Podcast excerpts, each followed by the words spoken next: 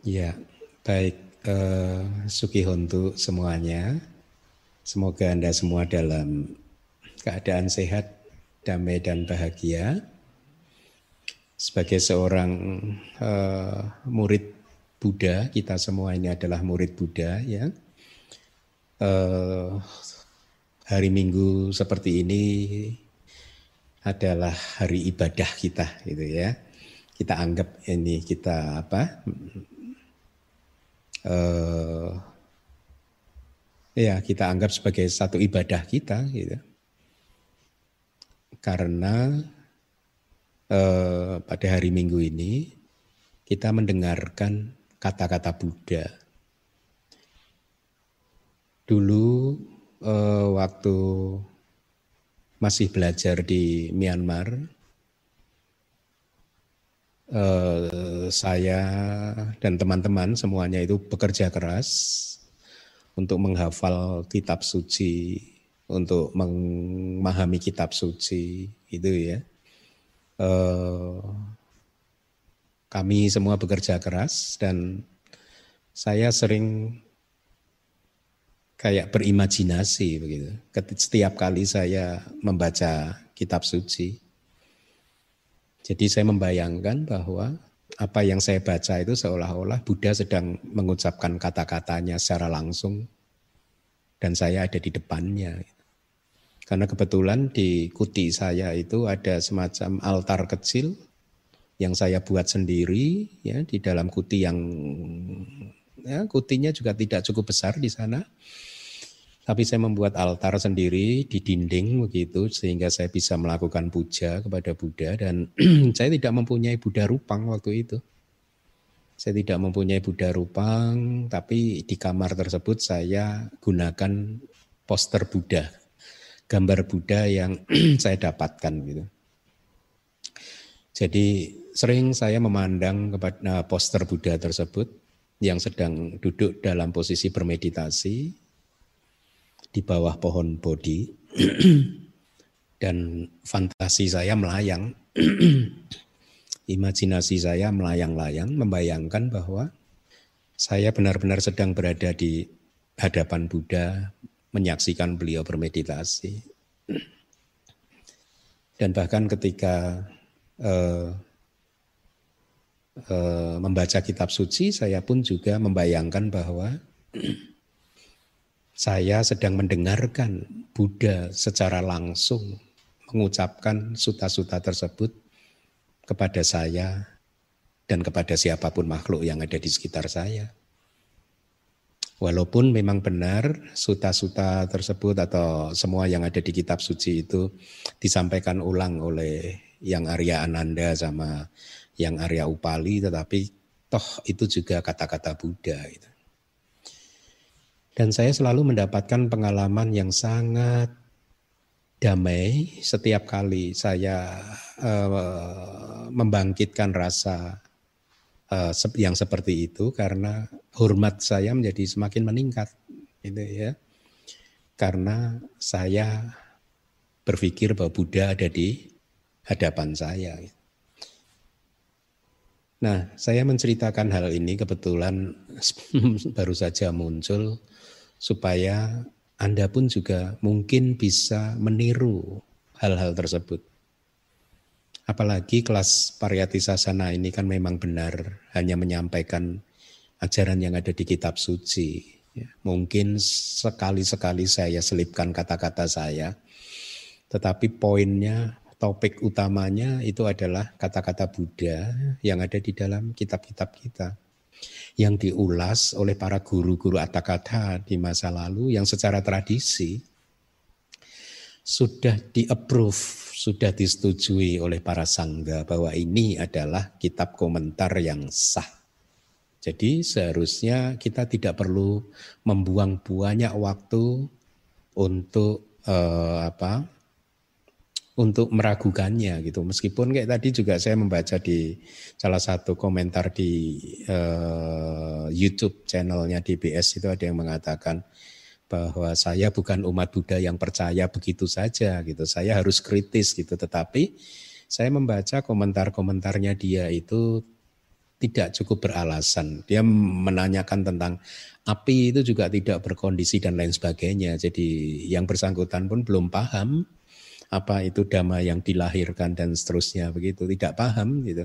Nah itulah mengapa eh, dulu saya gitu, saya juga bukan orang yang gampang percaya gitu. Tetapi ketika berada di Myanmar itu setelah sekian waktu saya observasi, kemudian saya memilih untuk menempatkan sada saya, keyakinan saya di depan. Dan karena saya menempatkan keyakinan saya di depan, itulah mengapa uh, saya kemudian bersyukur bahwa saya tidak keliru menempatkan keyakinan saya di depan. Gitu. Nah, Kembali lagi, kelas variati sasana ini mengajarkan ajaran-ajaran Buddha, benar-benar ajaran Buddha gitu. Sehingga kalau Anda bisa meniru apa yang saya inikan tadi, saya ceritakan tadi, maka mudah-mudahan Anda bisa memunculkan kesadaran baik mahakusala gitu ya. E, secara terus-menerus yang akhirnya itu menjadi benih karma yang superior yang tiga akar dan juga yang superior itu ya. Karena sulit untuk mengembangkan rasa bakti bahwa di hadapan kita ada Buddha tanpa juga memunculkan kebijaksanaan tanpa juga memunculkan perhatian penuh. Ya oleh karena itu dengan cara seperti itu saya dulu merasa bahwa eh, kesadaran yang muncul adalah kesadaran yang baik dan penuh perhatian karena penuh perhatian maka ada kebijaksanaan maka ada pengetahuan, oleh karena itulah kesadaran yang muncul menjadi kalau menurut saya menjadi kesadaran yang baik yang tiga akar gitu, ya. Dan saya biasanya kalau membaca kitab suci itu tidak sulit untuk ada uh, distracted gitu, ada gangguan begitu. Jadi benar-benar menikmati meskipun itu dua jam, tiga jam, empat jam mempelajari, mencerna kata-kata di dalam kitab suci itu nggak biasanya jarang sekali ada distraction. Karena memang sifat dari penuh perhatian atau sifat dari perhatian penuh atau sati itu memang begitu dia muncul maka kilesa tidak muncul. Dan begitu perhatian penuh muncul kebijaksanaan juga muncul. Itu biasanya juga seperti itu gitu. Uh, apa Itulah mengapa uh, uh, saya sharing ini mudah-mudahan itu juga bisa uh, bermanfaat. Anda mendapatkan manfaat yang sama dengan saya. Tadi uh, uh, mungkin 15-20 menit yang lalu begitu sebelum kelas ini dimulai ada salah satu umat kita yang mengirimkan kepada kita tentang uh, sejarah agama gitu ada dua berita yang beliau kirimkan kepada saya. Yang pertama adalah tentang sejarah agama. Jadi bercerita tentang bahwa agama itu muncul dan lenyap dulu 3500 tahun yang lalu ada agama besar yaitu yang ininya Zoroaster kalau Anda tahu itu ya. Itu 3500 tahun yang lalu beli ini adalah beliau memperkenalkan agama yang akhirnya menjadi agama terbesar di dunia pada waktu itu yang memperkenalkan ajaran tentang monoteisme kalau nggak salah begitu ya.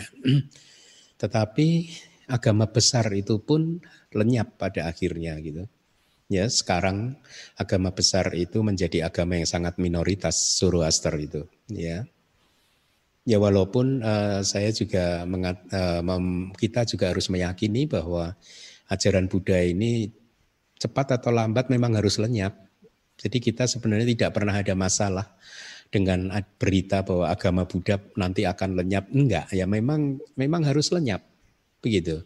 Tetapi attitude kita adalah meskipun agama Buddha ini harus lenyap, kita harus memaksimalkan kelahiran kita sebagai manusia kali ini. Jangan sampai kelahiran yang sulit untuk didapatkan ini menjadi sia-sia begitu saja karena tidak berjuang pada jalan yang benar atau pada jalan yang seharusnya. Ya. Uh,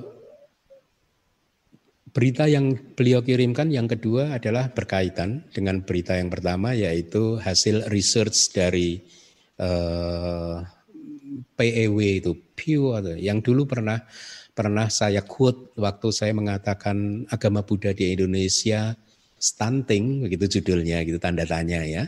Stunting itu artinya kurang gizi. Agama Buddha di Indonesia ini apa benar kurang gizi sehingga sulit sekali tumbuh, sulit sekali uh, berkembang karena kenyataannya data dari uh, research tersebut mengatakan bahwa saya masih ingat persis populasi umat agama Buddha di Indonesia sejak tahun 70 sampai tahun sekarang ini eh, tahun waktu research itu dilakukan itu susut 1,7 juta. Nah, eh, surprising enggak? Ya, bahwa jumlah atau populasi umat Buddha di Indonesia sejak tahun 70 sampai research itu dilakukan itu susut 1,7 juta itu kalau saya tidak salah ya. Dan waktu itu saya kemukakan uh, uh, apa analisis-analisis saya dan Anda bisa mendengarkannya di uh, cuplikan ceramah di video uh, di YouTube channelnya DBS yang berjudul Agama Buddha di Indonesia Stunting itu tanda tanya gitu. Ya, tetapi tadi saya katakan kepada salah satu umat tersebut yang mengirimkan berita tersebut, saya katakan bahwa bagi saya, ini maaf, ini pendapat saya pribadi ya. Bagi saya selama pariyati sasana ini belum kokoh di Indonesia, maka agama Buddha belum ada di Indonesia. Ya kan sudah ada Bante sejak tahun sekian-sekian sudah ada uh, biku Indonesia bla bla bla. Iya ada. Tetapi ajarannya belum ada. Karena kenapa saya mengatakan begitu? Karena toh sampai hari ini itu ya Pariyati Sasana, ajaran kitab suci ini memang harus diakui belum ada di Indonesia. Lo kan sudah ada bantu diterbitkan buku ini, buku itu, itu semua terjemahan dari bahasa sek, uh, second language, bukan terjemahan langsung dari bahasa Pali. Nah, bedanya apa Bante? Ya beda, akurasinya beda. Dan juga uh, yang ada selama ini di Indonesia hanyalah Tipitaka saja dan itu pun terjemahan dari bahasa Inggris yang akurasinya pasti jauh sekali ya e, kalau anda memahami bahasa Pali anda akan bisa mengerti kata-kata saya gitu jadi e, e, kitab yang ada pun hanya terjemahan dari bahasa Inggris dan itu pun hanya Tripitaka padahal saya sudah sampaikan berulang-ulang Memahami Tripitaka tanpa bantuan ada kata dan tika itu boleh dikatakan mustahil. Bagaimana kita memahami Tripitaka tanpa bantuan kitab komentar dan kitab subkomentar? Saya beri contoh yang sepele saja. Bagaimana Anda semua, katakanlah sekarang ada 500-600 umat yang mendengarkan saya. Bagaimana Anda mendefinisikan kalimat yang sering Anda dengar sejak kecil, yaitu hindari kejahatan, perbanyak perbuatan baik, sucikan hati dan pikiran. Coba, coba Anda renungkan. Bagaimana Anda mendefinisikan itu? Tanpa bantuan kitab komentar. Karena kata-kata di kitabnya hanya begitu gitu. Tepatnya itu sebenarnya kan uh, tanpa perbuatan jahat dan seterusnya begitu ya. Tapi bahasa sehari-harinya begitu, tidak berbuat jahat, memperbanyak perbuatan baik. Itu bagaimana? Tidak berbuat kejahatan itu yang seperti apa? Berbuat baik itu yang seperti apa? Ya. Padahal ini ini ini suta yang sederhana loh ini. Ini suta yang sangat sederhana. Itu pun pasti saya yakin Anda kebingungan untuk menjawabnya. Minimal kalau ada 500 umat mendengarkan saya saat ini akan bisa jadi memberikan 500 jawaban yang berbeda-beda. Ya toh? Tapi kalau kitab komentar itu sudah dibuka semuanya, maka tidak ada perbedaan. Jawabannya akan baku. Artinya kita akan tahu dengan benar perbuatan jahat itu seperti ini, perbuatan baik itu seperti itu. Gitu. Itulah mengapa tadi juga saya katakan bagi saya, selama pariyati ini belum kokoh di Indonesia, maka agama Buddha belum ada di Indonesia. Itu ya yang ada ya hanya simbol-simbolnya saja. Saya tidak bermaksud untuk tidak menghormati para pejuang dhamma yang sudah berjuang di Indonesia, tidak. Tetapi tujuan saya adalah memberikan second opinion, second opinion bahwa ini loh ada yang seharusnya dikerjakan seperti ini gitu. Kita ini adalah bante, makanya Anda ingat nggak? E, mungkin minggu lalu atau dua minggu yang lalu saya seperti kayak secara tidak langsung disadarkan oleh Bante Wisuda ketika saya berceramah kepada umat-umat di luar negeri dan kebetulan waktu itu ada Bante Wisuda ikut mendengarkan dan setelah itu beliau berkata bahwa uh, you are like a psychologist seperti uh, apa uh, uh, apa seorang psikolog psikolog sorry. Ya seperti seorang psikolog begitu. Karena hanya membicarakan psikologi gitu. Nah poinnya adalah kalau saya berbicara tentang psikologi pasti sarjana-sarjana psikolog akan lebih bagus lagi itu dan untungnya ada ada ada Bante Wisuda dan itu yang semacam menyadarkan saya dan kemudian saya banting setir kan ya sejak saat itu saya hanya mencoba berjuang untuk mengajarkan uh, kitab suci begitu. Nah uh, itu dari saya ya apa uh, mari kita semua berjuang supaya kelahiran kita di saat ini menjadi meaningful, menjadi bermanfaat, ya, yaitu dengan cara mengisi kehidupan kita untuk membangun kemampuan, keterampilan, kecenderungan terhadap kitab suci, membangun kemampuan keterampilan untuk memahami kitab suci, membangun rasa suka, rasa hormat kepada terhadap kitab suci. Karena saya yakin hanya ini ini akan menjadi modal yang berharga untuk kelahiran-kelahiran Anda yang berikutnya gitu. Ya, ingat bahwa kelahiran kita, kelahiran Anda di depan itu masih banyak sekali.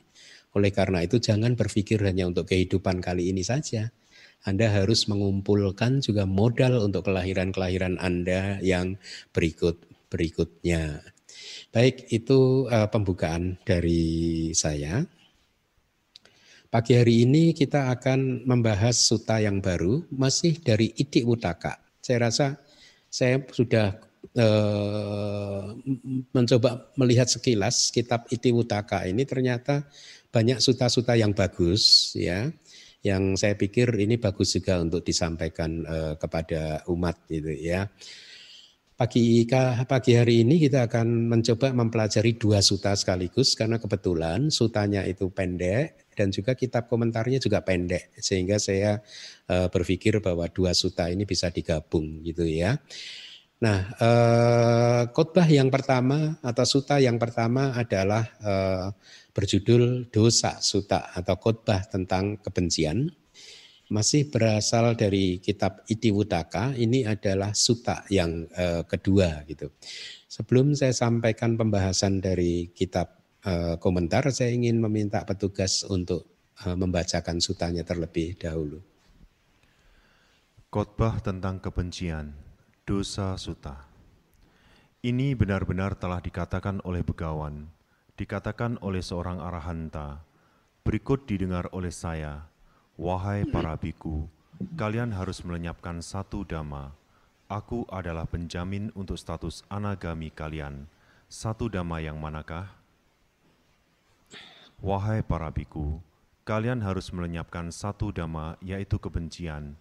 Aku adalah jaminan untuk status anagami kalian. Begawan mengatakan pesan itu.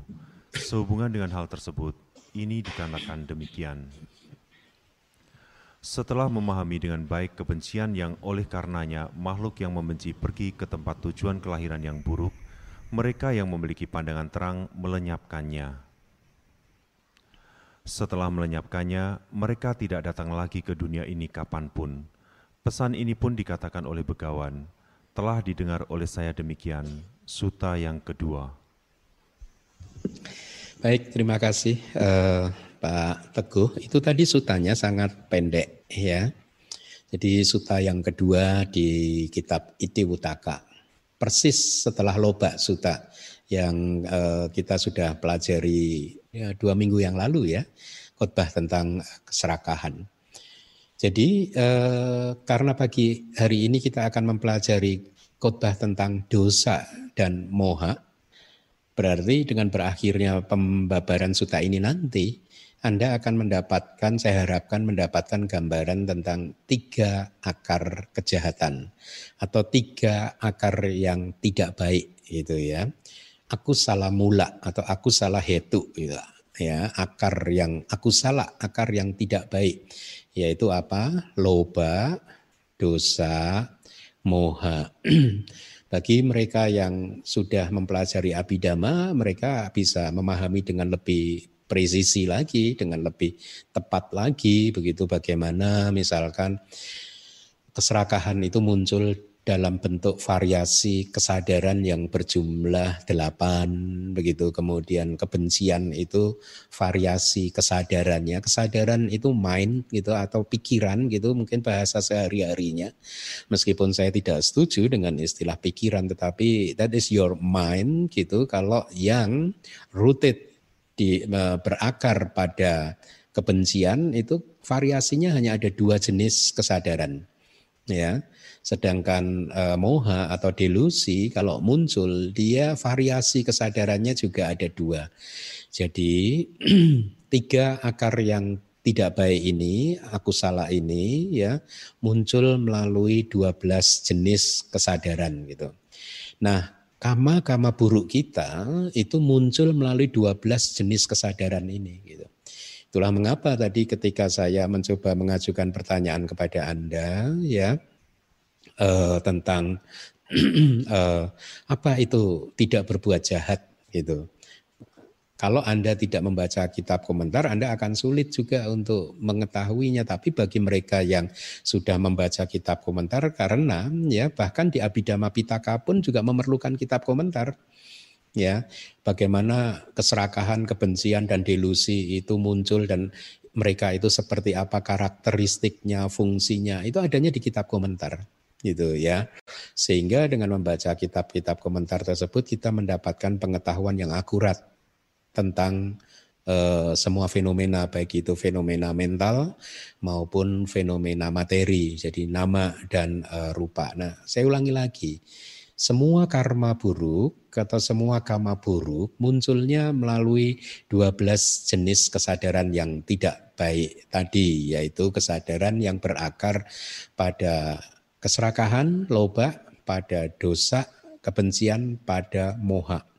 Nah, walaupun demikian, ya, moha itu muncul di semua jenis kesadaran tadi. Walaupun tadi dikatakan moha hanya muncul dalam variasi dua jenis kesadaran, tetapi sesungguhnya moha itu muncul juga di kesadaran yang berakar pada keserakahan. Artinya, kalau keserakahan sedang muncul di batin Anda, maka pada saat itu ada moha, delusi.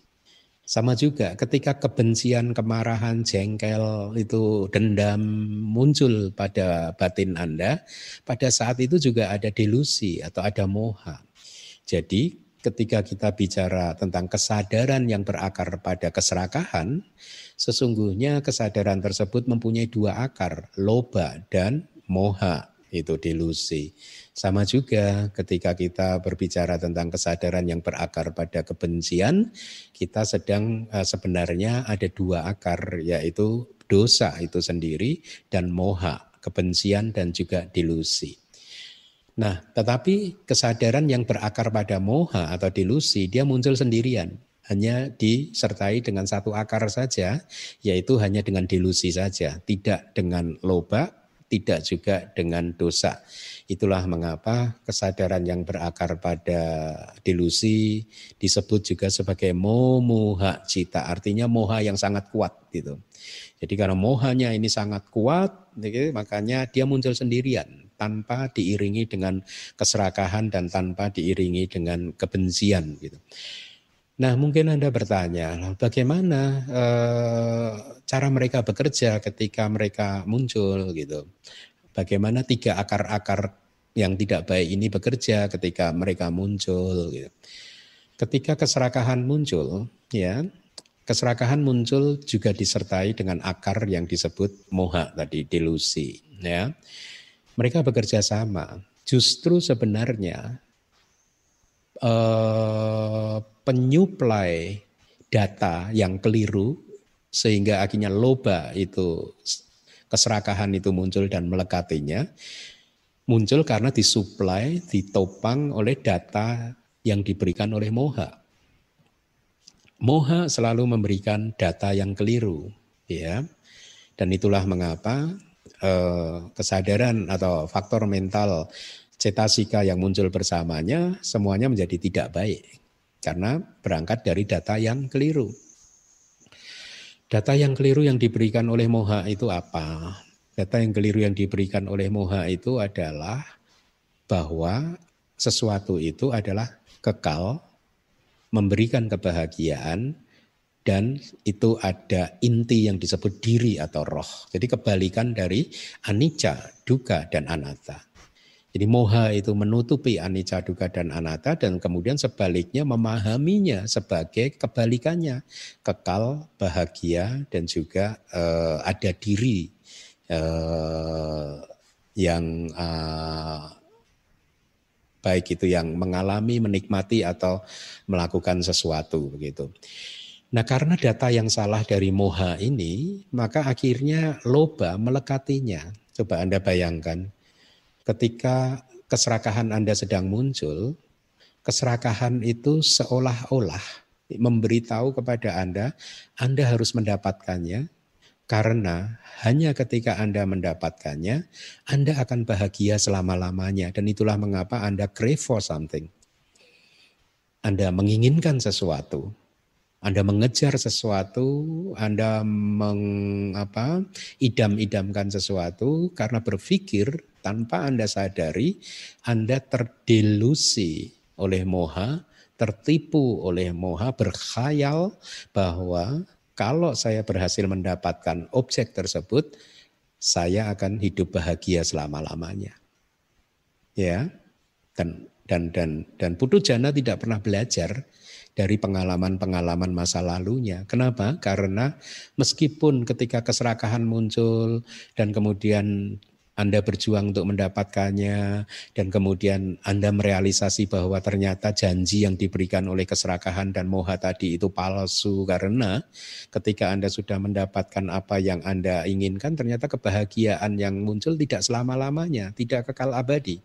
Ya, mungkin pada hari itu Anda bertekad atau bersumpah Anda kapok mengikuti loba, mengikuti keserakahan dan mengikuti delusi. Tetapi keesokan harinya lagi atau beberapa hari kemudian atau beberapa waktu kemudian keserakahan muncul lagi dan Anda lupa lagi. Ya karena itu sifatnya moha itu begitu. Dia menutupi gitu, ya. Nah, the same is true dengan kebencian. Ya, kebencian pun juga seperti itu. Ketika kebencian muncul prosesnya sama. Moha memberikan data yang keliru bahwa ada sesuatu yang kekal. Sehingga ketika kebencian itu muncul, ya, Anda seolah-olah merasa kebencian ini harus diledakkan. Kebencian ini harus dikeluarkan. Kenapa? Karena Anda berpikir bahwa hanya dengan demikian Anda akan bahagia. Hanya dengan demikian Anda akan mendapatkan kedamaian yang kekal abadi. Tetapi kemudian Anda belajar lagi, ternyata setelah Anda meledakkan kemarahan, yang ada hanyalah penyesalan. Makan tidak enak, tidur tidak nyenyak begitu. Dan Anda bersumpah lagi, besok saya tidak akan mengikuti dosa lagi, itu kebencian lagi. Tetapi beberapa waktu kemudian ketika dosa ini mau muncul, Anda lupa lagi. Sehingga akhirnya permainan atau kehidupan seorang putu jana itu seperti permainan yang seperti itu berputar-putar dari satu kesalahan ke kesalahan kedua, ketiga, keempat berulang-ulang seperti itu terus tanpa mereka pernah uh, bisa belajar dan kemudian bertekad untuk menghancurkan uh, loba, dosa dan moha. Nah, uh, tadi saya katakan moha memberikan data seolah-olah ada diri, ada aku, ada atak. Kemarin di kelas abidama saya sudah sampaikan juga. Apa sih selama ini Anda sering mendengar uh, kons atau ajaran tentang atak atau diri atau roh? Apa sebenarnya definisi dari atak, diri atau roh? Satu, definisinya adalah samin. Sami itu adalah penguasa. Jadi pemahaman kita berpikir bahwa ada wujud yang menguasai tubuh dan pikiran kita dan kehidupan kita ini. Penguasa ini kekal, gitu ya. Itulah yang disebut uh, pandangan salah tentang adanya diri, ya adanya roh. Gitu. Yang kedua adalah karaka. Karaka itu adalah pelaku, ya. Jadi uh, di dalam kehidupan Anda sehari-hari Anda pasti sering merasakan bahwa Anda adalah pemilik dari kehidupan Anda. Kalau Anda merasa bahwa Anda adalah pemilik dari kehidupan Anda, maka itulah teori tentang aha, itulah pandangan salah tentang diri, tentang roh. Atau anda di dalam kehidupan sehari-hari berpikir bahwa saya sedang makan, saya sedang bekerja, saya sedang berbicara, saya sedang melakukan ini, saya sedang melakukan itu. Itulah roh, itulah pandangan salah. Ya, karena sesungguhnya tidak ada saya, tidak ada diri, tidak ada roh itu. Atau yang ketiga definisinya adalah wedaka. Wedaka itu sesu, sesuatu yang merasakan. Saya merasakan panas, saya merasakan dingin, saya merasakan bahagia, saya merasa senang, saya merasa sedih dan lain sebagainya. Ini yang merasakan ini adalah sesuatu yang kekal. Nah, itu pun adalah pandangan salah gitu ya. Nah, untuk memahami ini Abhidhamma memberikan data yang akurat dengan akurasi yang lebih baik, maaf dibandingkan Sutta Pitaka ya. Nah, baik. Terhadap sutta tadi, kata uh, mengatakan begini bahwa di sini di suta dosa ini tentang kebencian ini uh, kata hanya akan menjelaskan segala sesuatu yang belum dijelaskan di loba suta. Ya, dengan kata lain, Anda kalau nanti setelah saya sampaikan semua kata-katanya dan Anda ada pertanyaan kok yang ini belum dijelaskan, maka Anda saya sarankan untuk uh, membuka kembali atau mendengarkan kembali ceramah saya tentang uh, khotbah tentang keserakahan gitu ya. Jadi Anda disarankan untuk ke sana untuk mengetahui terminologi-terminologi yang tidak dijelaskan di suta ini. Nah, oleh karena suta ini dibabarkan dengan tujuan untuk meredakan kebencian, ya. Artinya meredakan kebencian itu uh, ada banyak kan ya, uh, yang di Lobak Suta sudah saya sampaikan ada banyak cara, cara meredakannya ada dengan faktor yang berlawanan, ada yang ditindih, ditekan, dilumpuhkan dengan jana dan lain sebagainya. Ada yang dihancurkan dengan uh, maga ya uh, dan uh, ada yang dengan cara keluar dari samsara dan seterusnya ya. Jadi tujuan dari suta ini adalah un, untuk memberikan petunjuk tentang meredakan kebencian setelah mengamati kecenderungan-kecenderungan individu-individu yang memiliki kebencian yang sangat kuat. Jadi semua khotbah Buddha tentang cara menghalau kebencian di sini dikatakan sebagai khotbah yang uh, disampaikan oleh Buddha setelah mengamati kecenderungan-kecenderungan individu-individu yang beliau lihat begitu ya. Jadi itulah mengapa uh, Buddha itu berkata di sutanya, wahai para biku, kalian harus melenyapkan satu dhamma, yaitu kebencian. Mohon slide-nya ditampilkan ya. Sehubungan dengan hal tersebut, definisi kebencian adalah kemarahan yang bersumber pada salah satu dari 19 landasan untuk kemunculan kemarahan. Jadi kebencian itu adalah kemarahan yang muncul dari salah satu dari 19 eh, landasan untuk munculnya kemarahan. Next slide ya, saya sampaikan itu referensinya sebenarnya malah saya ambilkan dari manual Abhidhamma ketujuh. Kenapa? Uh, sebagian ya, uh, karena di kata-katanya tidak uh, menyebutkannya secara rinci. 19 itu apa? Kebetulan di manual Abhidhamma ketujuh saya sebutkan ada uh, kalau nggak salah ada berapa? Uh, sembilan ya. Ya, sembilan ya, kalau tidak salah. Ini saya sampaikan kepada Anda. Ya, ini adalah landasan yang menjadi penopang kemunculan kebencian. Dengan kata lain, kemarahan Anda, kebencian Anda itu harus muncul dengan alasan. Ya, sering kan Anda kalau maaf ini ya, eh, kalau coba Anda ingat-ingat setiap kali Anda marah, setiap kali kebencian itu muncul, maka logika Anda mencoba mengcreate story, mengcreate cerita, memunculkan alasan-alasan supaya atau untuk membenarkan kebencian tersebut. Untuk membenarkan kemarahan tersebut ya. Nah, kitab komentar memberikan apa yang ada di layar. Jadi, kalau Anda berpikir, oh, dia telah bertingkah yang menyakitkan pada saya atau menyakitkan diri saya, bisa jadi kemarahan akan muncul. Dan ketika Anda berpikir seperti itu, maka persepsi Anda, kemudian e, cetana Anda akan semuanya akan bekerja bersama-sama untuk mendukung Anda untuk meledakkan kemarahan atau kebenciannya. Yang kedua adalah pikiran bahwa dia sedang bertingkah yang menyakitkan uh, pada saya. Kalau tadi adalah masa lalu, oh dia telah, dia sudah, dia kemarin gitu ya. Kalau yang kedua itu masa sekarang, Anda sedang berhadap-hadapan dengan orangnya dan kemudian Anda berpikir, oh dia ini sedang bertingkah yang menyakitkan hati saya. Ketika Anda berpikir seperti itu, maka kemarahan muncul. Ya. Kemudian yang ketiga adalah dia akan bertingkah. Jadi Anda mulai memprediksi. Anda menjadi dukun bahwa orang yang di hadapan Anda ini akan menyakiti Anda akan bertingkah yang menyakitkan Anda.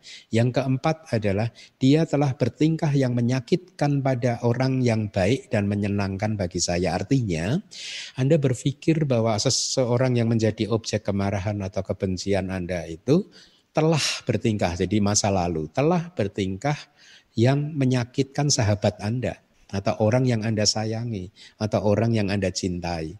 Kemudian next slide yang nomor lima itu sama tetapi present tense yaitu sedang itu dia sedang bertingkah yang menyakitkan sahabat Anda. Yang yang nomor enam adalah future masa depan dia kelihatannya akan bertingkah yang menyakitkan sahabat saya, menyakiti hati sahabat saya. Ya, kemudian yang nomor tujuh dia telah bertingkah yang menguntungkan orang yang saya benci, kira-kira begitu. Kalau anda benci sama seseorang, kemudian ada orang lain yang bersahabat dengan dia, membantu dia, bisa jadi kemarahan Anda pada orang yang membantu musuh Anda tersebut itu muncul. Ya, jadi inilah landasan kemunculan kemarahan. Yang kedelapan adalah dia sedang bertingkah yang menguntungkan pada saya, uh, pada orang yang tidak baik dan tidak menyenangkan bagi saya. Next slide, yang nomor sembilan adalah uh, future. Dia akan uh, bertingkah yang menguntungkan uh, pada orang yang tidak baik dan tidak menyenangkan bagi saya. Nah, itu uh, yang ada di manual Abidama nomor 10 dan 18 ini terus terang saja sebenarnya saya juga baru membacanya gitu. Karena biasanya yang ada itu ya hanya nomor 1 dan nomor 9 sampai dan ditambah dengan nomor terakhir nanti begitu. Ya, oh, nomor 19 itu yang ada di slide itu ya. Jadi nomor 10 sampai dengan 18 itu adalah kebalikan dari 9 di atas. Kitab komentar memberikan kalimat ya seperti yang ada di slide itu. Dia telah bertingkah yang tidak menyenangkan saya dan seterusnya gitu ya.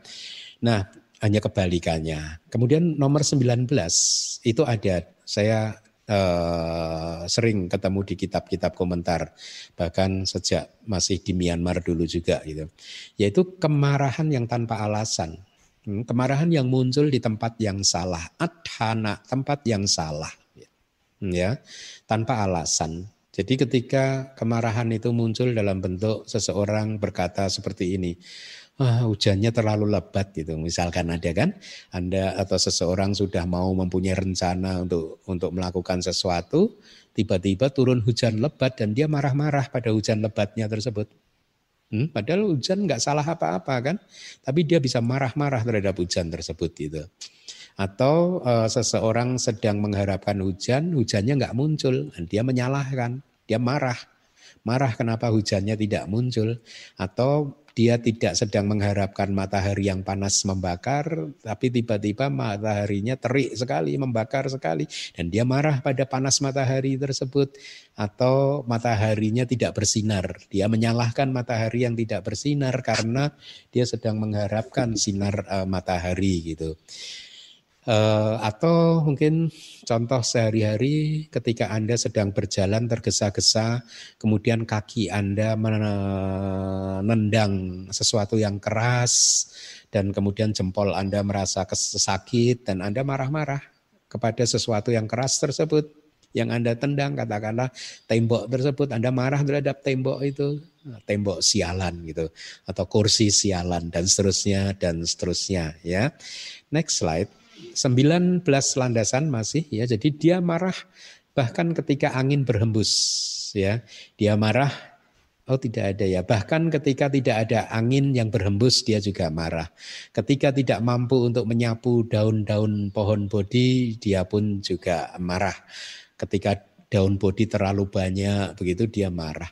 Itu juga pengalaman yang kadang kalau kita tidak penuh perhatian menyapu sebagai seorang biku itu menyapu itu uh, ini apa hmm, bisa jadi menjadi sesuatu yang kalau tidak hati-hati bisa jadi menjadi sesuatu uh, landasan untuk memunculkan kemarahan. Saya beri uh, gambaran. Saya dulu pernah tinggal di satu tempat di hutan yang bikunya sedikit gitu ya sehingga kami harus bagi tugas padahal wihara kami itu cukup luas gitu. Dan Anda bayangkan kalau di hutan kalau pas musim gugur artinya di Asia ini kan juga ada musim gugur kan artinya musim di mana daun-daun pada rontok itu menyapu itu bisa seolah-olah tidak bermanfaat. Kenapa? Karena ketika kita menyapu pagi hari ya belum juga selesai apa yang sudah kita sapu udah kotor lagi karena daun itu rontok lagi. Dan itu begitu seterusnya di sepanjang hari gitu. Jadi memang itu kalau tidak hati-hati ya bisa menjadi objek eh, atau landasan untuk kemunculan kebencian. Seperti tadi dikatakan di kitab komentar ketika sedang menyapu daun-daun bodi bisa jadi seseorang itu marah itu saya mengalaminya, bukan marahnya, tetapi mengalami menyapu pada saat musim rontok, daun-daun pada rontok. Itu ketika kita udah menyapu sudah hampir bersih, kemudian ada angin berhembus cukup kencang, terut gitu daun rontok lagi. Dan dan dan tempat yang sudah bersih kita sapu menjadi kotor, jadi kotor lagi gitu. Ya. Nah, Kemarahan yang tidak beralasan kitab komentar juga menyebutkannya uh, seperti ini ya. Ketika tidak mampu uh, mengenakan jubah, maka seseorang biku akan marah kepada angin ya. Ketika tersandung dia marah pada tunggul pohon. Itu tadi yang saya sampaikan. Ketika Anda berjalan Anda kesandung benda yang keras, kursi, tembok atau apa-apa pun, maka tiba-tiba kemarahan bisa saja muncul. Jadi sekali lagi itu 19 landasan e, kemarahan yang diberikan di kitab komentar dari Iti Utaka. Meskipun tadi saya katakan biasanya di kitab-kitab lain bahkan di Abhidhamma pun juga hanya disebutkan 9 gitu ya. Tapi ternyata nomor 10 sampai nomor e, eh, 18 itu hanya variasi yang berkebalikan saja gitu. Nah jadi coba Anda renungkan ya setiap kali Anda marah Anda ingat-ingat gitu ya. Uh, supaya Anda bisa memahami sebenarnya worth it atau tidak sih memahami uh, atau uh, memunculkan kemarahan atau menuruti kemarahan ini untuk meledak begitu ya. Nah, kemarahan atau dosa itu adalah satu atau salah satu dari 52 faktor mental. Jadi Abhidhamma mengajarkan kepada kita ada 52 eh, faktor-faktor mental atau cetasika. Faktor mental yang muncul bersama dengan kesadaran eh, apa uh, faktor mental itu adalah fenomena mental yang muncul bersama dengan cita atau muncul bersama dengan kesadaran. Tapi harus dipahami bahwa dosa atau kebencian itu bukan saya, bukan milik saya, bukan diri saya. Dia semata-mata hanyalah fenomena mental yang muncul karena ada landasan-landasan seperti tadi yang sudah dikatakan ya. Jadi Kitab komentar mendefinisikannya begini, dikatakan sebagai dosa atau kebencian karena dengan dosa tadi orang-orang membenci. Jadi ketika ada kebencian muncul itulah dosa. Ya, tapi sekali lagi belajarlah untuk tidak mengidentifikasikan dosa itu sebagai diri Anda, Anda, milik Anda dan seterusnya ya. Definisi yang lain disebut dosa karena semata-mata dia ini membenci gitu. Dosa inilah yang membenci. Faktor mental kebencian inilah yang membenci gitu. Jadi eh, ketika seseorang itu mengatakan saya sedang marah, seharusnya dia mengatakan cetasika dosa yang sedang muncul. Karena ini bukan saya, ini hanyalah cetasika saja. Ini adalah faktor mental saja gitu. Nah, Abhidhamma memberikan empat batasan kebencian ya yang ada di slide tolong ditampilkan. Empat batasan kebencian itu seperti yang ada di layar. Karakteristiknya adalah ketika kebencian muncul, maka ada keganasan di sana. Seperti seekor ular yang terkena pukulan.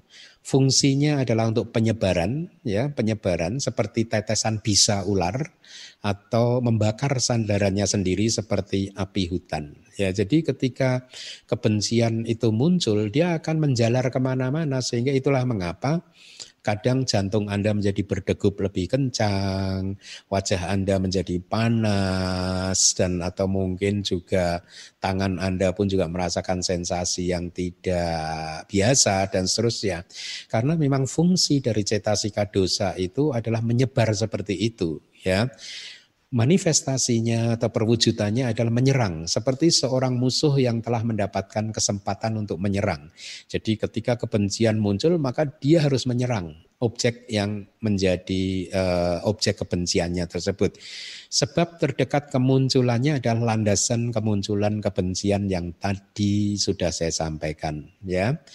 Nah di sutanya Buddha mengatakan wahai para biku kalian harus melenyapkan satu dhamma Ya artinya kalian harus menghancurkan satu dhamma yaitu kebencian itu sendiri gitu.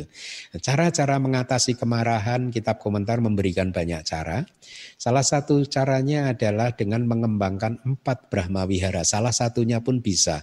Artinya Anda bisa mengembangkan meta saja, Anda bisa mengembangkan karuna saja, Anda bisa mengembangkan mudita saja atau UPK saja atau kesemuanya bahkan gitu ya. Uh, Anda tahu nggak meta dan karuna bedanya di mana? Bedanya adalah kalau meta itu hati Anda selalu mengharapkan orang lain itu bahagia. Kalau karuna hati Anda itu bergetar ketika melihat ada orang sedang kesusahan, sedang menderita dan Anda mengharapkan dia segera bisa keluar dari kesulitannya atau penderitaannya. Nah, itu bedanya. Jadi uh, strictly speaking dari empat Brahma Wihara itu tadi Meta itu adalah lawan dari dosa, ya. Jadi meta itu lawan dari dosa atau kebencian. Meta itu sesungguhnya adalah faktor mental yang disebut karena dia lawan dari dosa, dia adalah namanya faktor mentalnya adalah dosa tanpa kebencian. Tetapi tanpa kebencian itu variasinya itu banyak kayak grafik equalizer itu. Ada yang dari 0 sampai ke angka 100 katakanlah. Meta itu adalah faktor mental A dosa yang grafik equalizernya udah sampai ke angka penuh ke angka 100 gitu ya. Artinya ketika faktor mental A dosa tanpa kebencian itu berkembang secara penuh maka itulah meta ya. Kalau belum penuh itu bukan meta. Berarti masih ada yang bisa menjadi objek kebencian karena belum penuh ya tanpa kebenciannya. Seperti saat ini mungkin Anda tidak benci dengan orang tua Anda, Anda tidak benci dengan anak-anak Anda ya. Tan pada saat itu tanpa kebencian muncul mungkin tetapi masih ada saja objek yang membuat kebencian Anda muncul ketika tiba-tiba Anda bertemu dengan orang yang Anda memang tidak sukai begitu ya. Nah, tetapi ketika faktor mental A dosa ini sudah penuh, maka tidak ada peluang, tidak ada celah, tidak ada tempat untuk muncul uh, memunculkan kebencian. Siapa pun makhluk tanpa terkecuali, tanpa membeda-bedakan, Anda mencintainya sebagaimana adanya dan mengharapkan mereka untuk bahagia gitu.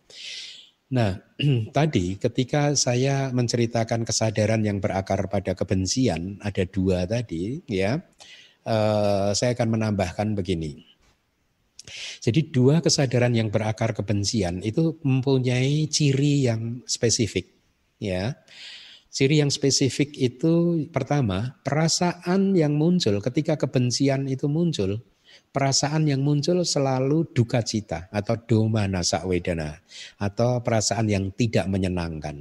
Ini selalu berbarengan, ya. Kedua ini selalu berbarengan. Kalau ada kebencian maka perasaan yang tidak menyenangkan, yang tidak enak, yang yang yang penuh dengan duka cita itu selalu muncul. Nah, sehingga Anda seharusnya mudah untuk mengidentifikasikan kebencian yaitu ketika perasaan Anda tidak nyaman maka itu ada kebencian di sana. Sekarang Anda tahu. Jadi saya beritahu sekarang cara untuk mengenali dosa. Kalau Anda kesulitan mengenali cetasika dosa itu seperti apa, Anda amati perasaan Anda saja. Ketika perasaan duka cita muncul, maka pada saat itu itulah di sana ada kebencian. Karena perasaan duka cita, perasaan tidak menyenangkan selalu muncul dengan disertai oleh dosa atau kemarahan atau kebencian yang di dalam nama kesadarannya dia mempunyai nama yang eh, lain yaitu patiga. Patiga itu antipati. Antipati, patiga itu seolah-olah memukul gitu. Anda ingin memukul gitu ya memukul objek yang menjadi objek dari kebencian tersebut. Ketika Anda benci terhadap ada kan saya pernah melihat itu eh, seseorang gara-gara katanya melihat timnya kalah lalu membanting TV-nya gitu ya dia salahkan TV-nya ini gara-gara TV ini timnya kalah gitu. Mungkin ya mungkin. Jadi TV-nya dipecah begitu jadi itulah patiga jadi ada perilaku mental yang seolah-olah ingin memukul objeknya. Jadi itulah ciri-ciri dosa.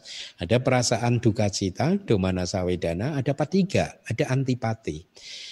Ketika cetasika dosa ini muncul maka batin ini menjadi uh, apa uh, ketika cetasika lawannya dosa yang muncul maka batin kita menjadi ramah ya. Dia mencegah perasaan duka cita uh, supaya tidak muncul gitu ya. Atau dia mencegah supaya ketika bertemu orang yang tidak disukai maka perasaan duka cita tidak menyenangkan tadi tidak muncul gitu. Itu karena ada faktor mental yang menjadi lawan dari dosa atau dosa gitu ya. Nah jadi sekarang Anda sudah mengetahui kan cara untuk mendeteksi bagaimana kemarahan itu muncul. Mungkin sebagian dari Anda berpikir selama ini kemarahan itu hanya muncul ketika Anda marah terhadap seseorang. Sekarang Anda tahu tidak selalu begitu. Setiap kali ada perasaan tidak nyaman, duka cita dan lain sebagainya, maka itu kemarahan. Pasti ada kemarahan di situ, ya. Nah, kitab-kitab kita memberikan deskripsi seperti ini. Kebencian itu sifatnya membakar, ya. Sementara meta, cinta kasih, adosa itu menenteramkan hati dan membuat hati ini bersahabat dengan siapa pun ya, tidak ada musuh uh, dan uh, seterusnya. Jadi meta ini hanya mengharapkan orang untuk uh, selalu bahagia gitu. Nah, cara-cara yang lain yang diberikan adalah dengan mengembangkan karuna, mudita, UPK, jadi Brahma Wihara, Brahma Wihara yang lain gitu. Selain Brahma Wihara, eh, cara untuk menghalau dosa, kitab komentar juga memberikan petunjuk pada kita demikian. Cara lain untuk mengatasi dosa adalah dengan merenungkan bahwa objek dosa ini adalah makhluk yang memiliki karma sebagai propertinya. Dia adalah pewaris dari perbuatannya sendiri. Ya. Jadi kalau kita jengkel terhadap orang lain, maka kita merenung bahwa orang seperti itu berbuat seperti itu dan perbuatan itu adalah miliknya. Dia akan mewarisinya. Seharusnya kita kemudian mengembangkan karuna belas kasih kepada orang tersebut yang karena ketidaktahuannya dia terus menerus melakukan kesalahan. Bukan sebaliknya, malah mengharapkan dia menjadi orang yang celaka dan seterusnya. Jadi kita dianjurkan untuk merenungkan bahwa masing-masing individu itu berbeda-beda tergantung pada tingkat kematangannya. Ada yang tingkah lakunya murni, ada yang tidak dan lain sebagainya dan itu kita harus pahami supaya kita bisa menurunkan ekspektasi kita.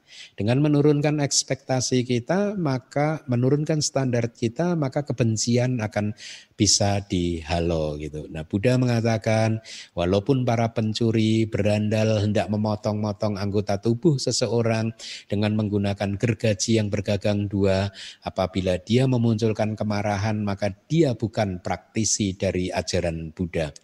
Jadi kita harus sering merenungkan betapa menderitanya ketika dosa itu muncul dan betapa damainya ketika kita bisa mengatasinya dan bahkan kemudian memunculkan meta.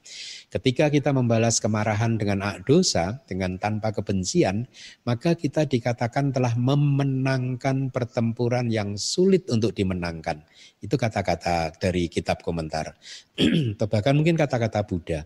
Ketika kita bisa menghadapi orang yang sedang marah-marah, kita hadapi dengan tanpa kemarahan, maka kita dianggap sebagai seseorang yang telah memenangkan pertempuran yang sulit untuk di uh, menangkan gitu ya. Nah, seorang musuh selalu mengharapkan musuhnya itu terlihat jelek karena dia tidak suka melihat musuhnya lebih baik dari dia atau memiliki kelebihan-kelebihan, kecantikan, ganteng dan lain-lain. Orang seperti ini walaupun berdandan rapi tetap saja terlihat jelek karena pengaruh dari kebenciannya.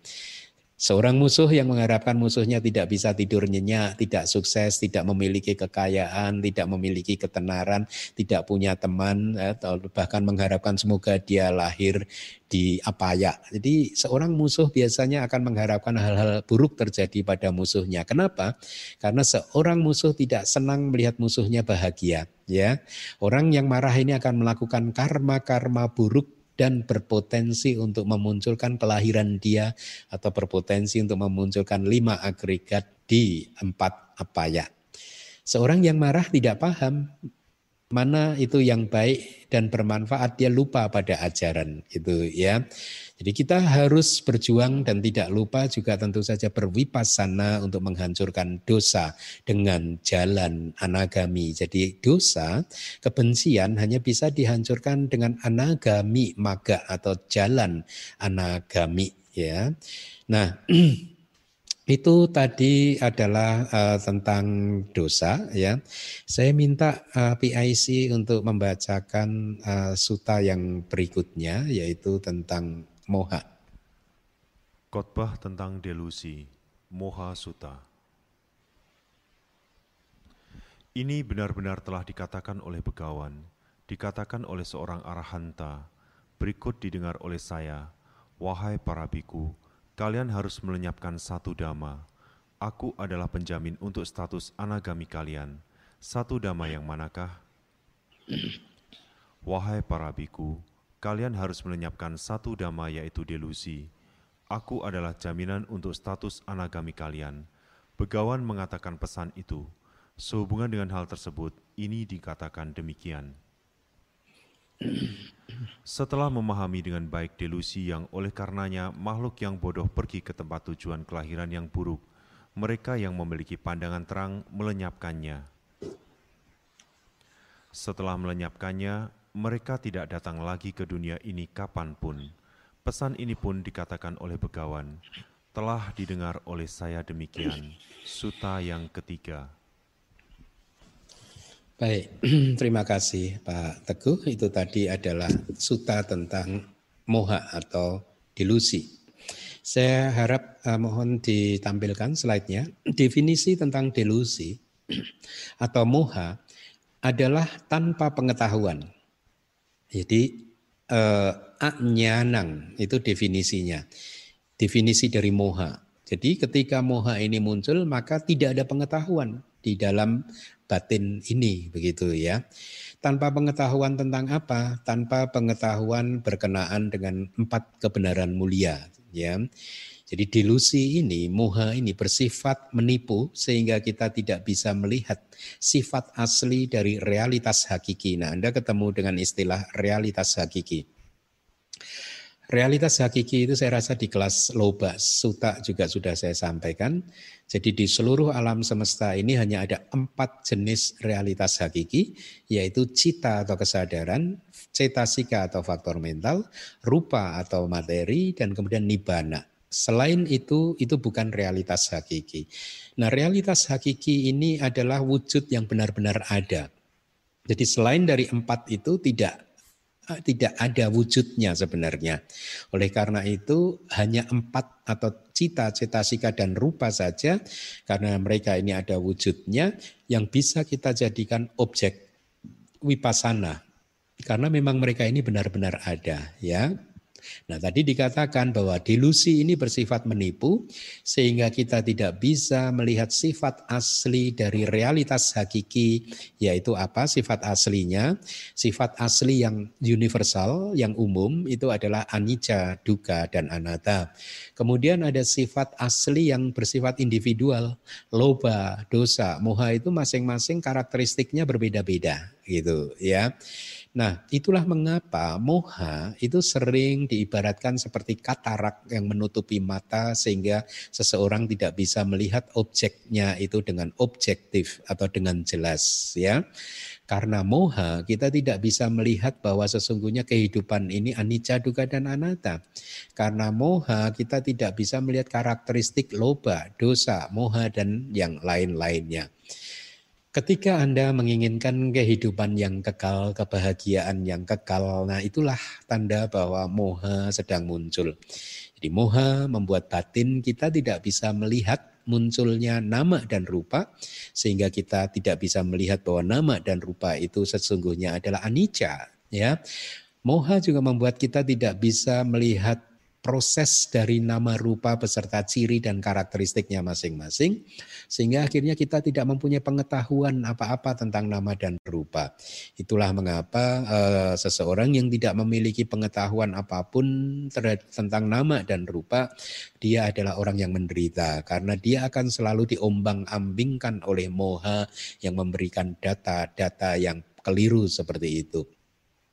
Moha dan tanha, nafsu kehausan atau ini adalah faktor mental loba, keserakahan adalah akar dari samsara. Ya, akar dari samsara ini adalah moha dan tanha. Dengan kata lain, kita harus berjuang untuk menghancurkan moha dan tanha ini supaya kita tidak berakar lagi pada samsara. Artinya kita bisa lepas dari samsara, kita bisa keluar dari samsara gitu ya. Selama tidak berhasil kita hancurkan, maka kita akan terus berakar pada samsara, artinya kematian kita hanya akan diikuti lagi oleh kelahiran. Dan begitu ada kelahiran, penderitaan pasti akan kita temui di dalam kehidupan yang baru. Segala kualitas mental apa pun yang dihasilkan oleh kotoran-kotoran batin ya seperti hasrat-hasrat indriawi, nafsu-nafsu untuk menikmati objek-objek panca indera dan lain-lain itu semuanya berakar pada moha atau delusi gitu. Jadi walaupun demikian moha hanya sebagian saja yang dihancurkan oleh anagami maga ya. Jadi karena suta ini berbicara tentang pencapaian anagami, maka saya Kitab komentar mengatakan jalan anagami atau anagami maga tidak menghancurkan moha secara total. Dia hanya menghancurkan moha sebagian saja ya. Oleh karena itulah eh, anagami masih mempunyai kotoran batin, masih mempunyai belenggu ya, misalkan nafsu atau keinginan untuk terlahir sebagai Brahma materi halus, keinginan untuk terlahir sebagai Brahma non materi, bahkan masih mempunyai kesombongan, bahkan anagami juga masih mempunyai kebingungan. Bahkan juga tentu saja kemudian yang belenggu yang kelima adalah belenggu awija atau ketidaktahuan begitu ya. Tapi jangan Anda salah paham. Meskipun tadi dikatakan anagami masih mempunyai kesombongan, masih mempunyai kebingungan, tetapi kebingungannya, kesombongannya sudah sangat tipis sekali. Ya, berbeda dengan kesombongan dan juga kebingungan seorang putu jana. Moha membuat seseorang bingung dalam membedakan mana kualitas mental yang baik dan mana kualitas mental yang tidak baik, mana yang tercela dan mana yang tidak tercela. Karena moha seseorang tidak bisa membedakan. Karena definisi dari moha tadi anyanang, anyanang tanpa pengetahuan ya tanpa pengetahuan tentang empat kebenaran mulia juga berarti tanpa pengetahuan tentang kebenaran mulia yang pertama duka. Jadi dia tidak tahu ini kualitas yang sesungguhnya tidak baik. Ini adalah kualitas yang sesungguhnya tidak boleh dilakukan. Ini adalah kualitas yang sesungguhnya tercela dan seterusnya, ya. Nah, jadi tadi juga sudah saya katakan bahwa moha ini penyuplai ya, pemasok pemasok bagi kilesa-kilesa yang lain untuk muncul dengan memberikan data bahwa sesuatu itu adalah kekal, memberikan kebahagiaan dan ada diri yang uh, juga kekal. Nah, karakteristik dari moha itu adalah ketiadaan atau keadaan batin yang uh, buta gitu anda bawa anda bawa laksana Karakteristiknya adalah anda bawa. Anda bawa itu adalah keadaan cita anda bawa lengkapnya. Cita anda bawa. Keadaan cita yang buta. Keadaan kesadaran yang buta. Itu karakteristiknya. Ya, ya buta seperti itu tadi yang sudah saya sampaikan nah, tidak mengetahui anicca duka anatta tidak mengetahui empat kebenaran mulia begitu.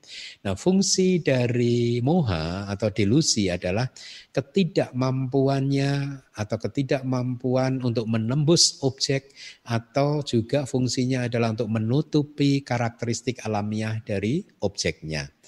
Karena adanya moha, seorang putu jana tidak akan pernah bisa menembus eh, apa objek yaitu nama dan rupa. Karena tidak bisa menembus nama dan rupa, dia tidak bisa melihat eh, karakteristik yang sejati, karakteristik yang sebenarnya dari nama dan rupa. Atau fungsinya yang kedua adalah menutupi, menutupi karakteristik alamiah dari objeknya ya. Sehingga kita tidak bisa membedakan ini adalah aku salah, ini adalah aku salah. Ini adalah tercela, ini adalah tidak tercela. Kita tidak bisa membedakan karena tertutup oleh moha. Gitu. Manifestasi atau perwujudannya moha itu bertentangan dengan perilaku batin yang baik atau bertentangan dengan uh, perilaku yang bijaksana atau manifestasinya adalah perilaku yang buta tadi, yang dungu gitu ya istilahnya. Nah, sebab terdekat kemunculan dari moha itu adalah perhatian yang tidak bijaksana.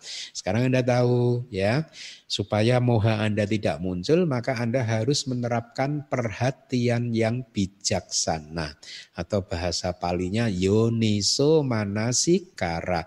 Bagaimana sih Bante yoniso manasikara diterapkan di dalam kehidupan sehari-hari?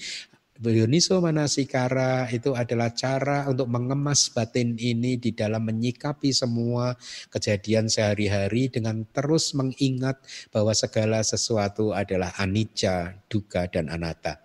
Jadi mulai sekarang Anda coba terapkan apa pun yang Anda alami katakanlah di dalam hati Anda bahwa ini semua adalah anicca, duka, dan anatta.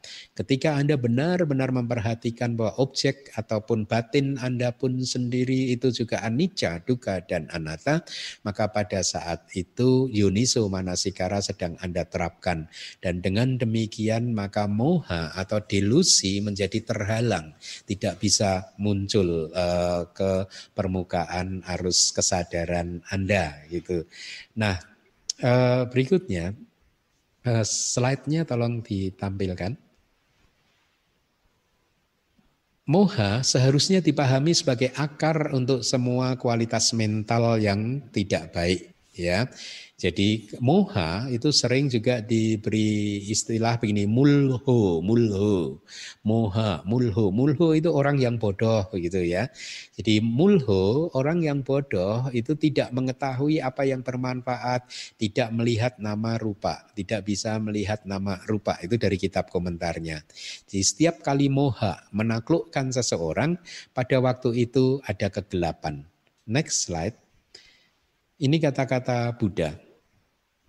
Ketidaktahuan wahai para biku adalah pelopor di dalam pencapaian kualitas-kualitas mental yang tidak baik. Dengan kata lain, segala kualitas mental yang tidak baik ketika dia muncul selalu didahului oleh moha ya sebagai penyuplai data yang keliru itu tadi gitu ya. Nah, jadi itulah cara bekerjanya moha. Dia menjadi di akar dari segala kualitas mental yang tidak baik ya. Moha ini juga selalu memberikan data-data yang keliru sehingga kilesa seolah-olah bisa menemukan alasannya untuk muncul. Bahkan Anda juga sering tertipu oleh moha. Dengan demikian Anda seolah-olah sering mendapatkan satu alasan untuk membenarkan perbuatan-perbuatan yang tidak baik uh, yang Anda lakukan. Seseorang yang sedang melanggar sila, dia selalu mendapatkan alasan di dalam pikirannya. Ah, hari ini saya akan melanggar sila karena begini, karena begitu. Nah, hati-hati sekarang. Yang memberikan alasan-alasan tersebut itu adalah moha. Karena moha menyuplai data yang palsu, menyuplai data yang uh, keliru ya dengan seolah-olah membujuk kita untuk melakukannya karena hanya dengan melanggar sila maka Anda akan bahagia. Tetapi Anda sekarang harus teguh, Anda persepsi Anda harus kuat bahwa itu semua tidak benar ya. Jadi eh, dengan perlahan-lahan tidak mengikuti bisikan-bisikan moha dalam tanda kutip, maka Anda akan bisa terbebas eh, dalam uh, dari aku salah cita, dari fenomena-fenomena mental yang tidak baik di dalam uh, kehidupan sehari-hari Anda. Jadi demikianlah uh, dua suta yang uh, kita pelajari pagi hari ini seperti yang tadi saya katakan karena dua suta ini pendek dan juga kitab komentarnya juga pendek maka kita gabungkan jadi satu dan saya harap dengan selesainya suta ini Anda mulai mendapatkan sedikit gambaran yang lebih baik tentang apa itu loba, dosa, dan moha. Demikian, terima kasih. Sadu, sadu, sadu.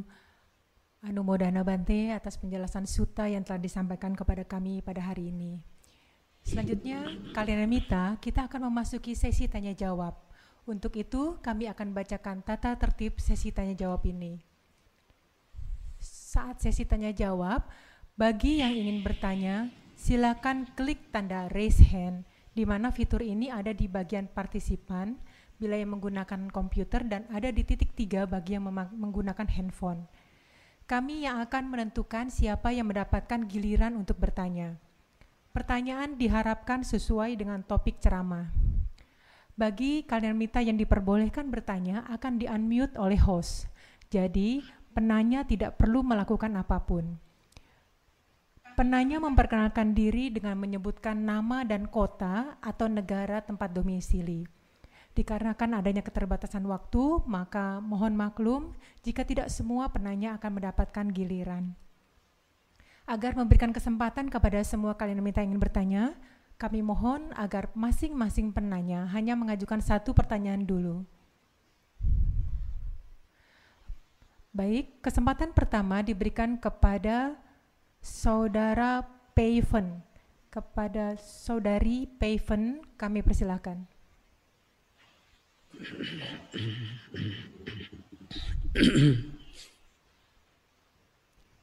Pada saudari Paven.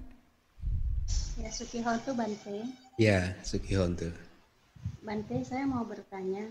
Iya. Apakah melamun atau kita berhayal itu sama dengan moha. Hanya itu aja Bante. Terima kasih. Ketika apa tadi Ibu? Berkhayal atau apa? Kita berhayal atau melamun, sedang melamun, kita memikirkan hal-hal yang banyak ya. hal Bante apa itu juga termasuk moha gitu. Ya. Iya. ini pertanyaan bagus sekali. Jadi ketika berkhayal atau melamun apakah ini moha? Mari kita analisa ya. Karena saya khawatir definisi berkhayal dan melamun ini berbeda-beda maka uh, saya harus mencoba untuk analisanya gitu. Apabila berha, atau kata berkhayal atau mun itu adalah aktivitas mental yang mempunyai ciri-ciri sebagai berikut yaitu membuat kita tidak sadar tentang apa yang sedang terjadi ya di depan mata kita ya. Kemudian membuat kita benar-benar juga bahkan tidak sadar tentang apa sesungguhnya yang sedang uh, kita kita lihat melalui pikiran kita ya. Saya istilahkan kita lihat melalui pikiran kita. Kemudian apabila berkhayal atau melamun itu adalah aktivitas-aktivitas uh, mental yang membuat uh, hmm, apa ya intinya kita sama sekali ya uh, terbelenggu oleh aktivitas-aktivitas pikiran tersebut, kita menjadi seolah-olah tidak bebas, terikat oleh aktivitas-aktivitas melamun dan juga berkhayal itu tadi, maka itu sudah pasti adalah uh, uh, kesadaran yang tidak baik. Ya, aku salah, kesadaran yang tidak baik. Tadi dikata, ditanyakan oleh ibu, apakah ini moha? Ya, karena ini adalah kesadaran yang tidak baik, sudah bisa dipastikan bahwa moha berperan. Ya, karena tadi saya katakan kan bahwa di dalam 12 kesadaran yang tidak baik yaitu 8 yang berakar pada loba, dua yang berakar pada dosa, dua yang berakar pada moha, itu adalah kesadaran-kesadaran yang juga disertai oleh moha itu oleh dilusi, oleh uh, kebodohan begitu. Nah, jadi sudah pasti bahwa moha ada gitu. Nah, tetapi apakah itu adalah kesadaran yang benar-benar moha saja? Itu uh, harus dilihat di analisa ya.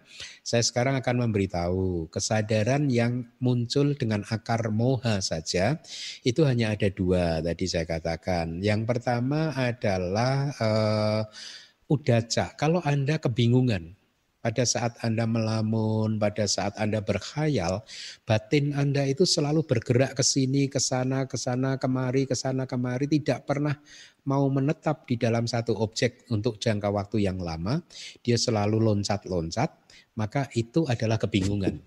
Itu ya itu adalah kebingungan. Maka itu adalah benar-benar kesadaran yang berakar pada moha yang sangat kuat. Mo moha itu bahasa palinya atau kesadaran yang ragu-ragu gitu ya.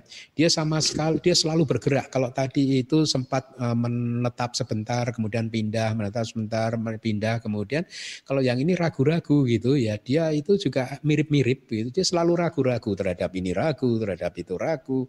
Jadi intinya ada pergerakan batin yang terus-menerus juga begitu ya. Tidak bisa menetap untuk jangka waktu yang lama di dalam satu uh, satu objek ya. Nah, maka itu pun juga adalah kesadaran yang berakar pada uh, moha yang kuat, mo moha itu. Tetapi kalau Anda melamun dan juga Anda berkhayal ada kemarahan di sana, maka itu adalah kesadaran yang berakar pada kebencian. Ya.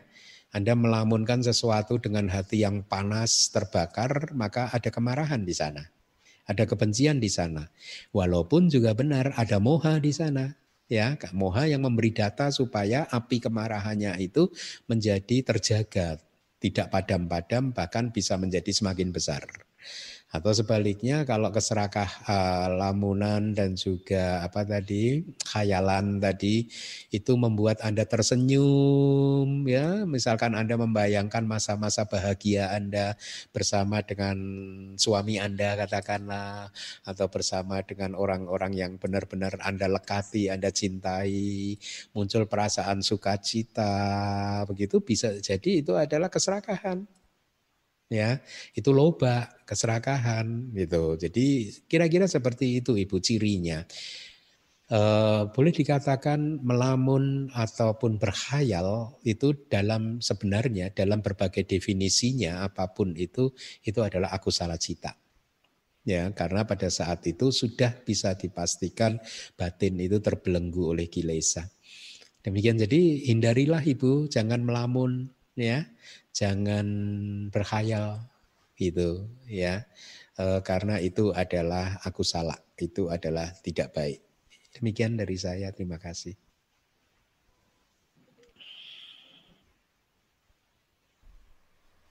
Anumodana Banti atas penjelasannya. Pertanyaan berikutnya diberikan kesempatan kepada Saudara Atandi. Kepada Saudara Atandi kami persilahkan.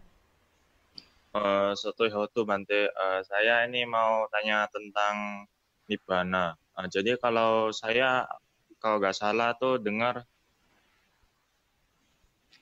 uh, saya kalau nggak salah saya pernah dengar kalau Nibbana tuh tidak dilahir apa tanpa sebab.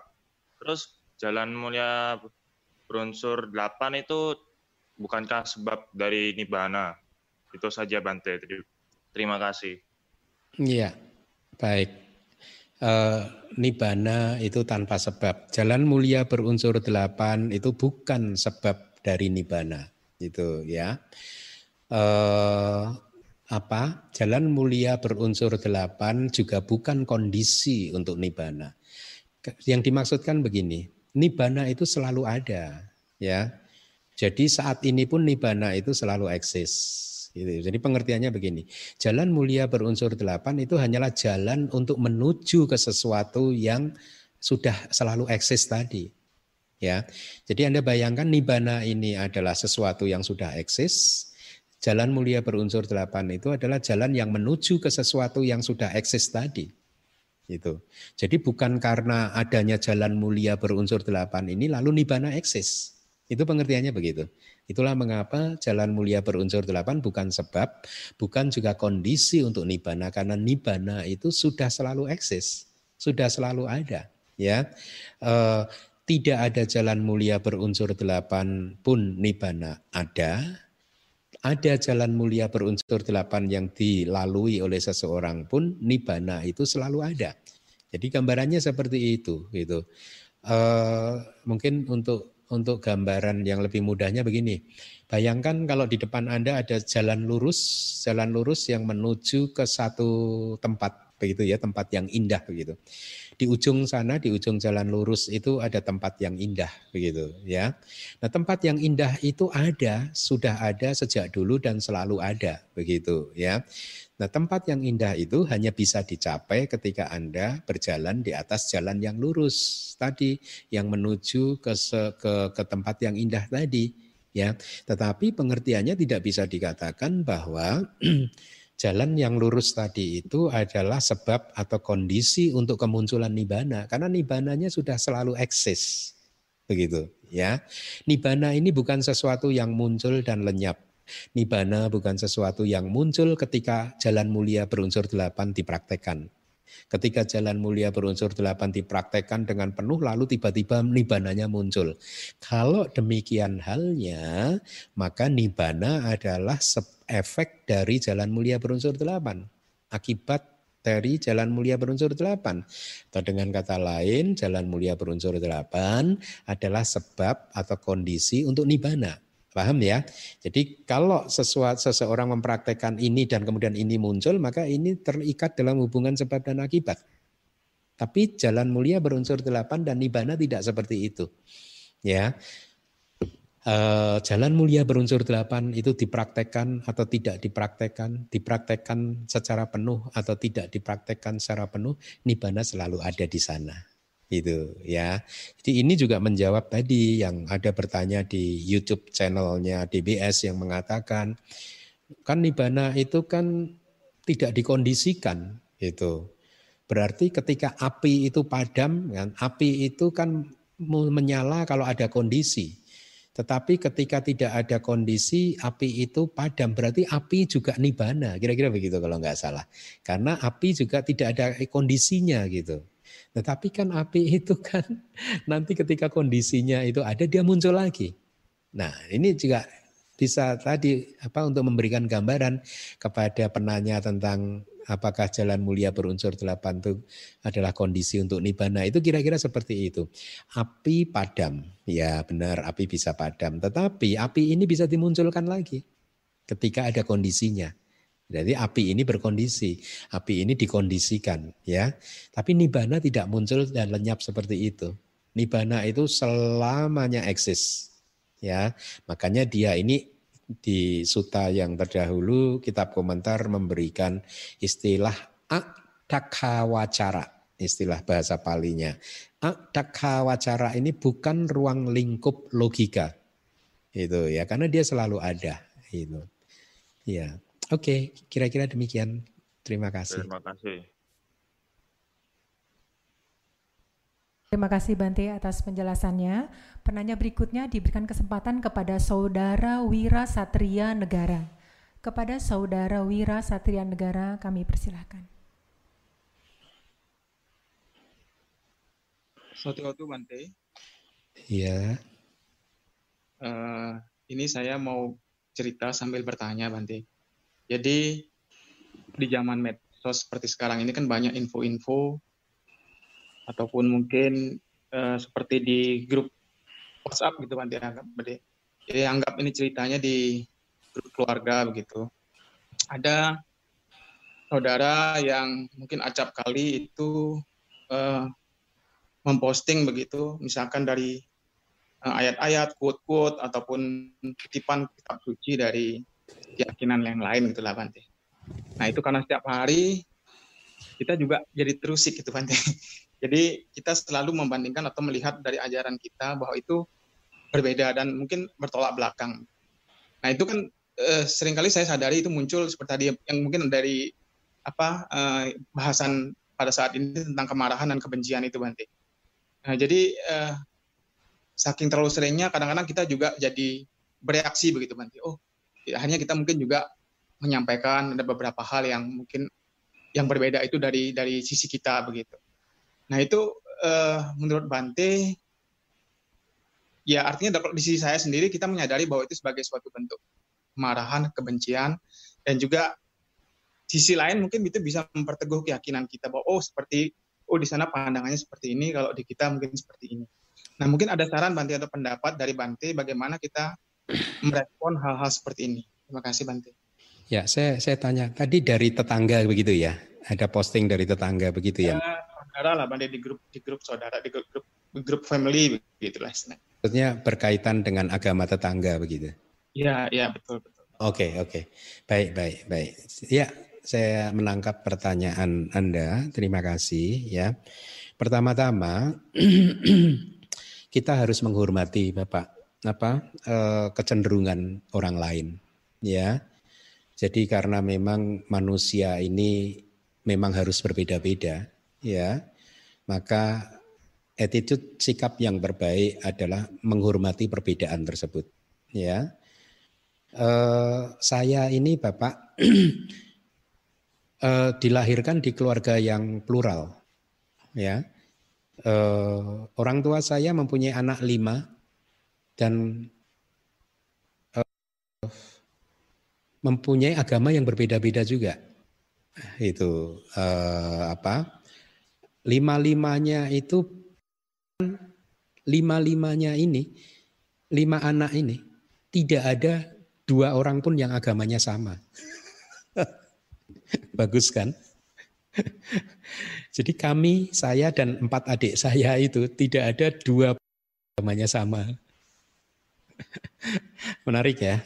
Oleh karena itu saya sangat menghayati hidup dalam perbedaan dan saya akan bisa nasihat yang baik untuk Anda karena saya hidup dalam lingkungan yang seperti itu.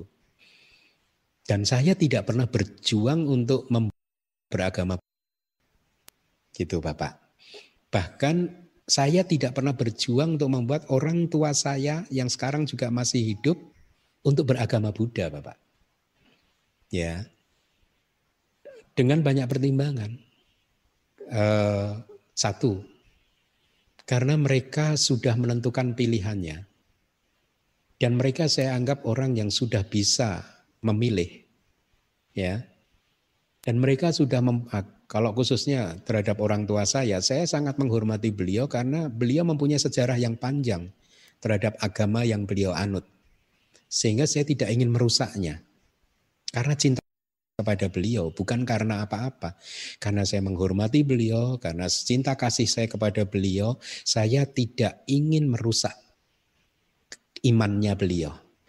Tidak ingin merusak apa eh, keyakinannya beliau. Sehingga saya sampai hari ini tidak pernah berjuang untuk membudakan orang tua saya dan adik-adik saya. Tidak pernah berjuang untuk membuat mereka beragama Buddha. Ini true story. Kenapa? Karena cinta kasih saya kepada mereka dan saya tahu bahwa mereka berbahagia dengan hal tersebut. Mereka berbahagia dengan pilihan-pilihannya gitu. Mereka menjadi orang yang saya hanya menjaga supaya mereka tidak melanggar lima sila saja. Tapi saya tidak berkampanye tentang Pancasila Buddhis. Saya selalu ber, misalkan ke orang tua saya, saya berdiskusi tentang bahwa kasihan toh membunuh binatang itu. Binatang itu ketika dibunuh kan juga sakit gitu.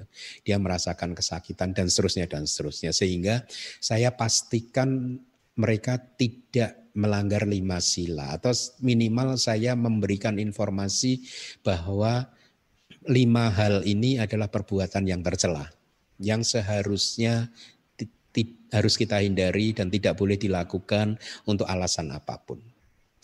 Nah, karena saya melihat mereka ini adalah di mata saya adalah orang-orang yang sudah bahagia dengan pilihannya, maka saya jadi tidak tega karena meta saya tidak karena mereka sudah bahagia ya saya harus menopang kebahagiaan mereka. Saya harus setuju dengan kebahagiaan mereka. Jadi itu pertama yang harus Bapak uh, pahami dulu bahwa setiap orang itu punya pilihannya masing-masing. Dan sebenarnya attitude yang seperti ini tidak saya terapkan terhadap keluarga orang tua atau adik-adik saya saja. Sampai hari ini saya juga tidak pernah berpikir untuk membudakan orang lain atau membuat orang lain beragama Buddha, tidak pernah. Sama sekali saya ini meskipun saya ini waktu di wisuda di Myanmar itu lulusan dari Universitas Misionaris. Saya ini adalah seorang biku Terawada, misionaris Terawada, tapi mungkin saya ini seorang biku misionaris yang buruk karena tidak punya semangat untuk merubah agama orang lain. Saya tidak punya semangat untuk mengganti agama orang lain. Semata-mata karena saya menghormati pilihan-pilihan mereka.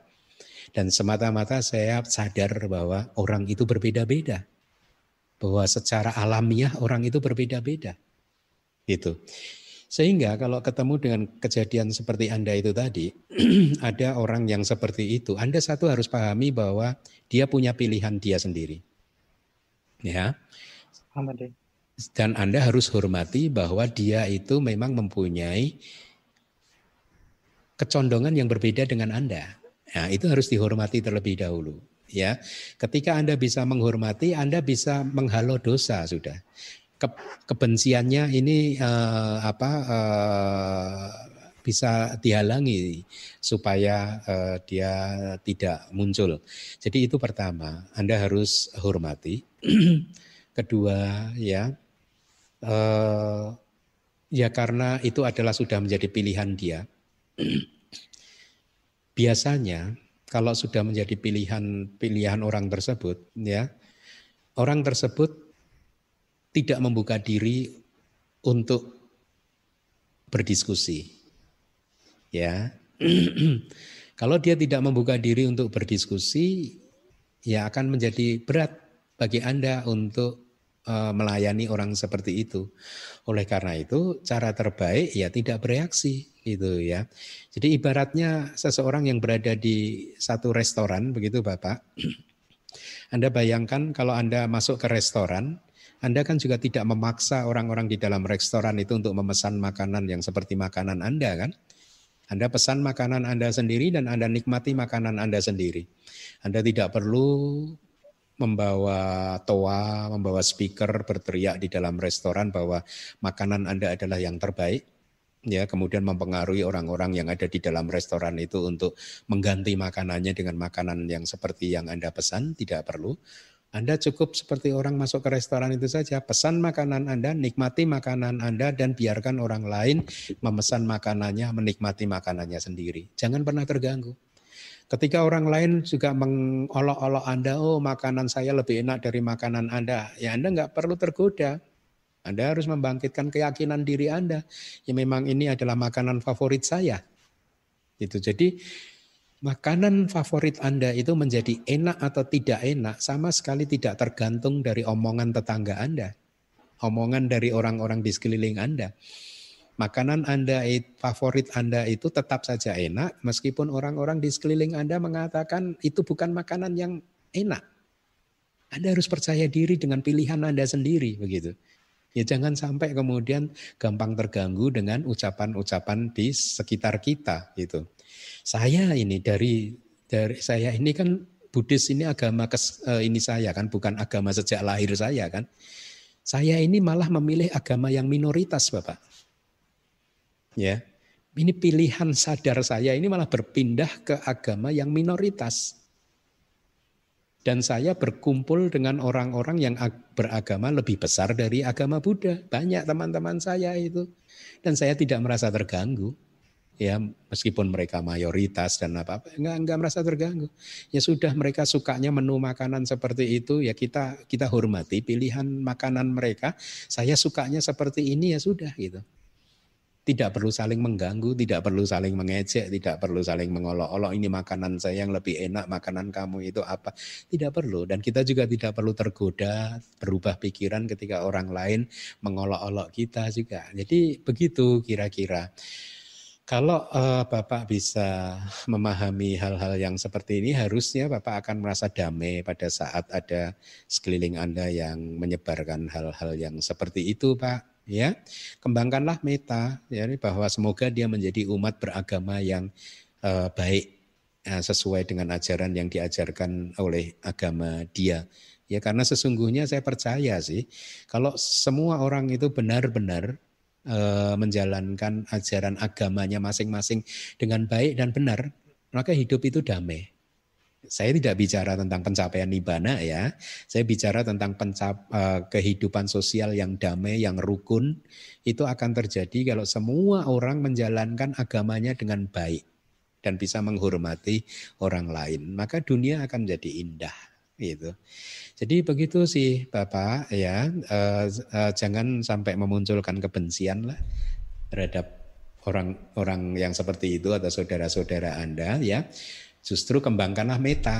Meta itu adalah uh, sikap hati yang senantiasa mengharapkan uh, kebahagiaan muncul pada orang lain. Jadi Anda kembangkan terus meta Semoga saudara-saudara Anda yang berbeda pilihan dengan Anda ya itu berbahagia.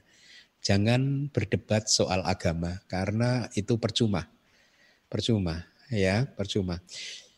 Uh, saya beri ilustrasi saja. Kalau ada seseorang yang datang non Buddhis datang kepada saya dan mencoba mendebat saya, itu percuma.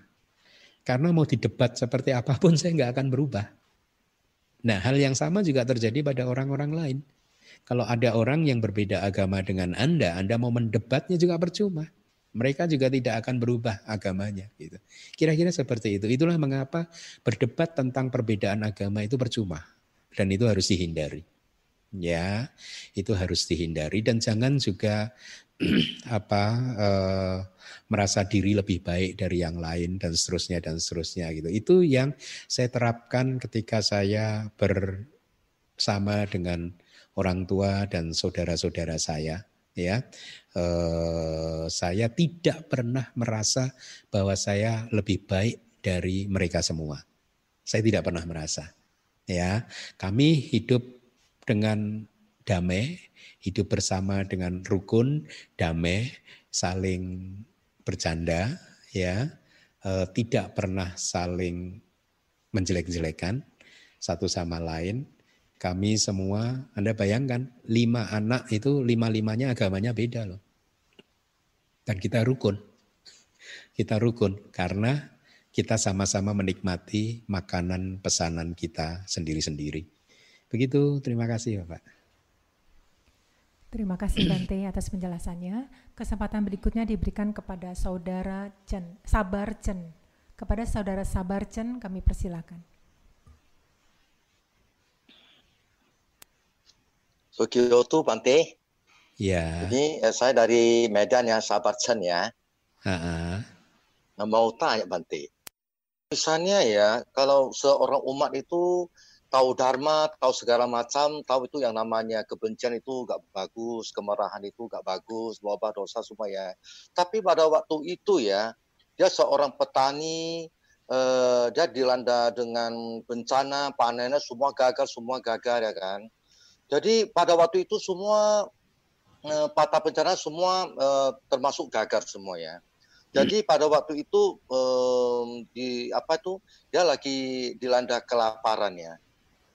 Jadi dilanda kepar, apa, kelaparan itu biasanya kalau yang namanya kelaparan itu pasti kan di, di, di apa dilandasi dengan kebencian dan kemarahan ya, namanya kelaparan ya. Itu gimana cara mengatasinya Bante? Itu yang pertama ya. Yang kedua yang pernah saya dengar hmm, Bante pernah ngomong bahwanya itu di Nibana itu kan tidak ada perasaan lagi ya. Ya gak ada bahagia, gak ada sakit, gak ada apa-apa, semua um, gak ada perasaan lagi gitu loh. Ya. Uh, begitu um, amu amu anumodana Bante. Ya, ya. Baik, jadi tadi pertanyaan yang pertama adalah ketika ada petani panen gagal kemudian kelaparan atau katakanlah bisnisnya gagal ya. Eh, lalu bagaimana cara mengatasi supaya eh, kemarahan itu tidak muncul? Satu kita harus fix dulu, kita harus eh, teguh kokoh dulu bahwa kemarahan itu adalah tidak baik. Kemarahan adalah katakanlah dengan kata lain karma buruk. Ya. Yang apabila ini berbuah akan menghasilkan penderitaan yang berkepanjangan. Ya, saya beri contoh. Seandainya kemarahan sebagai karma buruk yang produktif ini menghasilkan kelahiran kembali, ini akan bisa membuat seseorang itu lahir di neraka loh. Dan ketika lahir di neraka, bisa saja dia itu hidup di sana berjuta-juta tahun, bermiliar-miliar tahun, dan sepanjang waktu itu dia akan terus menderita. Jadi itu harus dipahami dulu bahwa kemarahan yang bahkan hanya satu detik saja, ya kemarahan yang bahkan hanya satu detik saja munculnya itu pun kalau menjadi bibit atau benih karma buruk dan dia produktif menghasilkan kelahiran kembali bisa memunculkan penderitaan selama satu miliar tahun satu triliun tahun satu kalpa bahkan. Jadi pantas enggak untuk mengizinkan kemarahan untuk muncul?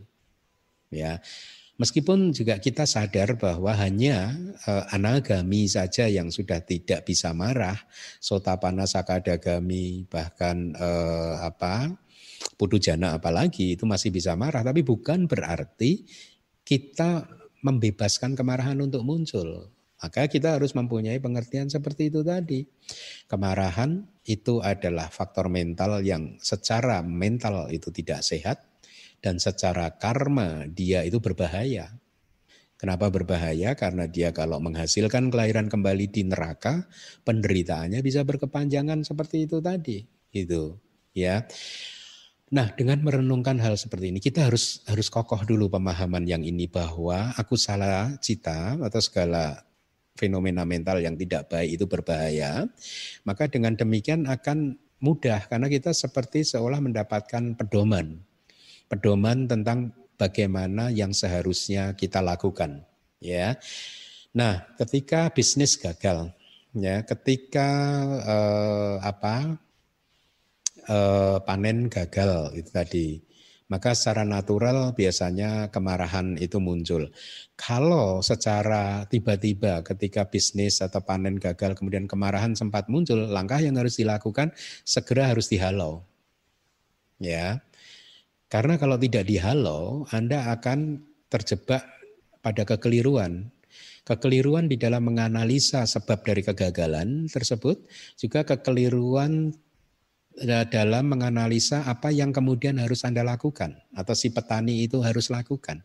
Karena kemarahan tidak pernah bisa muncul bersama dengan kebijaksanaan. Ya, Ketika kemarahan muncul, kebijaksanaan nggak muncul. Oleh karena itulah, ketika kemarahan muncul, maka Anda tidak bisa melihat masalah ini dengan jelas. Si petani tidak bisa melihatnya dengan jelas. Dia tidak tahu penyebabnya ini apa. Dengan demikian, dia tidak akan pernah belajar terhadap kegagalan yang sedang dia alami, dan dia tidak tahu tentang bagaimana yang harus dilakukan uh, setelah ini gitu. Itulah mengapa kemarahan begitu muncul harus segera dipadamkan, harus segera dihalau. Ada banyak cara. Cara yang pertama misalkan bagi seseorang yang tidak terampil, cara yang paling mudah adalah dengan mengambil aktivitas-aktivitas yang lain, ya yang berbeda. Aktivitas yang lain, ya misalkan lupakan dulu masalah pertanian tadi, masalah panen tadi, uh, ambil aktivitas yang lain yang bisa membuat hati ini tenang. Misalkan membaca parita, boleh mendengarkan damatok. Justru ketika hati ini sedang dikuasai oleh kemarahan, maka ini adalah uh, kalena damak sawanang. Ya, ini adalah uh, apa yang disebut berkat di dalam Manggala Sutta yaitu pendengaran dhamma pada waktu yang tepat, mendengarkan dhamma pada waktu yang tepat. Ya, ketika kilesa-kilesa ini sedang muncul, itulah waktu yang tepat untuk mendengarkan dhamma dan dengan demikian Anda menciptakan satu berkat. Jadi dengan mendengarkan dhamma atau kalau tidak ya Anda bisa mungkin dengan mengambil aktivitas-aktivitas yang lain, misalkan eh, bekerja yang lain, melakukan hal-hal yang lain, tidak supaya tidak ingat terhadap eh, apa kegagalan-kegagalan itu tadi, ya Nah, ketika batin sudah mulai menjadi tenang, baru kemudian dipikirkan kembali itu. Dilihat kenapa ini gagal ya, lalu apa yang kemudian harus kita lakukan supaya kejadian yang sama tidak terulang lagi. Karena itulah sesungguhnya nasihat dari Buddha terhadap apa pun kegagalan yang terjadi atau hal-hal buruk yang terjadi di dalam kehidupan kita ya itu yang harus uh, uh, apa uh, kita lakukan adalah tiga langkah. Ini nasihat dari Buddha. Yang pertama adalah mengakui saja kita akui bahwa ini adalah satu kesalahan, ya. Jadi sikap mengakui bahwa ini adalah kegagalan itu penting sekali. Karena dengan demikian kita mulai bisa menerima kegagalan ini dengan lapang dada, pertama. Yang kedua adalah ada kebijaksanaan yang mengakui bahwa ini adalah kegagalan, ini adalah kesalahan. Nah ke, kebijaksanaan ini akan menjadi benih yang makin lama akan menjadi makin besar. Makanya langkah pertama adalah memunculkan kebijaksanaan. Oh iya, ini adalah perbuatan yang tidak baik, ini adalah kegagalan. Akui saja. Bukan malah bertahan defensif mencari alasan eh, untuk untuk menimpakan kesalahan pada orang lain tidak. Oh, ini adalah kesalahan saya gitu. Kedua, kalau itu berkaitan dengan orang lain maka kita harus meminta maaf. Kalau tidak berkaitan dengan orang lain kita harus memaafkan diri kita sendiri. Ini juga penting. Kita harus bisa memaafkan diri kita sendiri terhadap kegagalan, kesalahan yang kita lakukan di dalam kehidupan ini. Karena ini healing, penyembuhannya di situ. Kita akan sembuh uh, dari penyakit-penyakit psikologis itu ya. Uh, kemudian yang ketiga ya kita pelajari dan bertekad untuk supaya hal seperti ini tidak terjadi lagi di masa depan. Ini nasihat dari Buddha ya itu yang kita lakukan. Nah jadi dengan cara merenungkan hal-hal seperti itu mudah-mudahan dosa tidak bisa muncul. Atau cara perenungan yang lain ya ya tadi bahwa semua orang itu adalah pemilik dari karmanya masing-masing lahir dari karmanya sendiri-sendiri ya. Kalau ini bukan buah dari perbuatan saya pasti tidak akan terjadi karena ini sudah terjadi berarti memang ini adalah perbuatan saya. Dan karena ini buahnya adalah menyakitkan berarti ini adalah buah dari karma buruk. Dan karena saya tidak ingin mengalami hal seperti ini lagi maka mulai hari ini saya tidak mau lagi melakukan perbuatan buruk. Saya tidak mau lagi melanggar lima sila. Saya tidak mau lagi berkumpul dengan orang-orang yang tidak baik dan sebagainya dan sebagainya. Jadi dengan demikian kebencian tidak akan akan muncul. Kebencian itu biasanya muncul ketika Anda mulai mencari-cari kesalahan di luar diri Anda. Tetapi ketika Anda menemukan bahwa kesalahan ada di dalam diri Anda, biasanya kebencian malah nggak muncul. Jarang sekali orang yang membenci dirinya sendiri, meskipun ada ya, tapi jarang sekali. Jadi mudah-mudahan Anda bukan termasuk seseorang yang membenci diri Anda sendiri. Itulah mengapa anda arahkan perhatian kepada diri sendiri bahwa kesalahan ada pada diri saya sendiri bukan pada orang lain. Karena ketika seseorang mulai menyalahkan orang lain, mulai menyalahkan sawahnya, kemarahan, kebencian bisa muncul. Ketika diarahkan bahwa kesalahan semuanya ada di diri kita sendiri, maka sangat jarang orang membenci dirinya sendiri gitu. Sangat jarang sekali ya. Meskipun katanya ada, tapi saya yakin orang yang membenci dirinya sendiri itu juga kalau diminta untuk hmm, oh enggak juga ya, banyak juga orang yang bunuh diri ya. Saya nggak tahu tuh bunuh diri itu karena benci terhadap diri sendiri atau atau ingin show kepada orang yang dia cintai dan lain sebagainya. Jadi apa pun itu sangat jarang orang yang membenci dirinya sendiri, saya rasa. Jadi arahkan kesalahan itu pada diri kita sendiri ya. Eh, supaya kita bisa akhirnya menerimanya dengan lapang dada. Mudah-mudahan menjawab Bapak. Terima kasih Bante atas penjelasannya. Selanjutnya kesempatan diberikan kepada Saudari Feli Satan. Kepada Saudari Feli Satan dipersilakan. Sukihotu Bante. Sukihotu. Saya pertanyaannya simpel sih. Sebenarnya hanya ingin meluruskan pandangan. Yang pertama adalah kan kalau di Abhidhamma Mata Sanggaha dikatakan satu momen hanya ada bisa satu kesadaran ya. Nah, tapi kan uh, loba dan juga dosa selalu muncul dengan moha. Apakah understanding saya ini benar kalau saya bilang pertama muncul dulu moha mula cita, lalu dilanjutkan uh, dengan loba atau dosa. Nah, itu yang pertama. Nah, yang kedua adalah sebelum kemunculan untuk mengkikis kilesa daripada hanya menekan, apakah betul kalau saya bilang caranya itu adalah dengan melakukan injeksi kebijaksanaan melalui pelajaran teori atau pariyati. Seperti Mel itu, Bante. Terima kasih. Kenapa? Maaf. Melakukan apa? Uh, oh, melakukan injeksi kebijaksanaan melalui pembelajaran teori okay. atau pariyati. Oke. Okay. Yang pertama tadi, maaf suaranya pecah. Yang pertama loba dan apa? Oh, pertama betul kan dalam satu momen kesadaran hanya muncul satu ya jadi moha dulu, setelah itu baru loba atau dosa. Moha dulu, oh tidak bisa. Oh, loba bisa muncul bersama dengan moha, dosa juga bisa muncul bersama dengan moha. Tergantung kalau itu loba mula cita dan dosa mula cita, maka dia muncul bersama dengan moha. Hmm. Oh jadi nggak giliran Bante?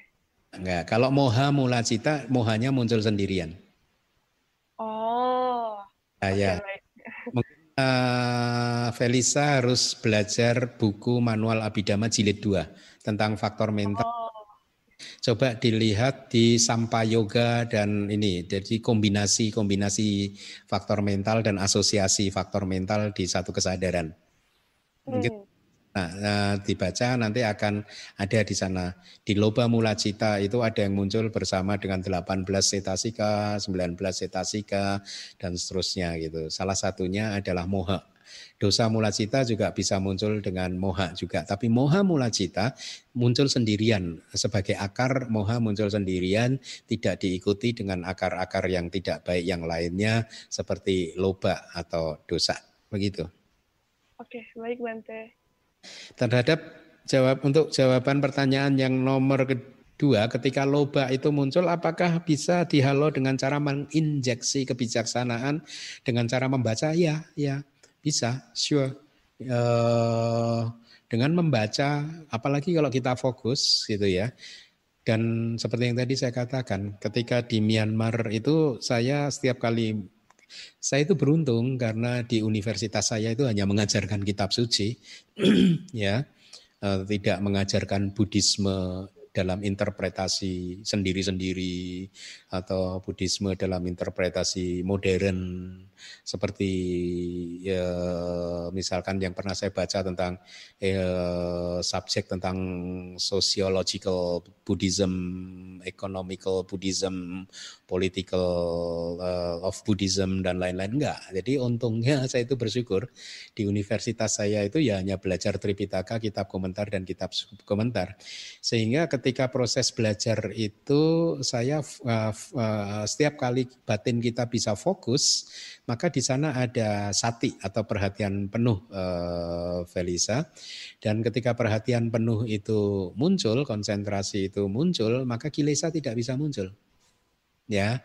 Dan biasanya kalau loba itu muncul dan kemudian kita ambil aktivitas yang lain seperti itu tadi, membaca buku dhamma eh, dan kemudian lobanya subsides ya, eh, reda, Uh, setelah itu ketika kita selesai membaca buku dhamma, kita melihat ke masalah yang memunculkan loba tadi, biasanya kita akan bisa melihat dari sisi yang berbeda dan sehingganya sehingga akibatnya loba tidak muncul.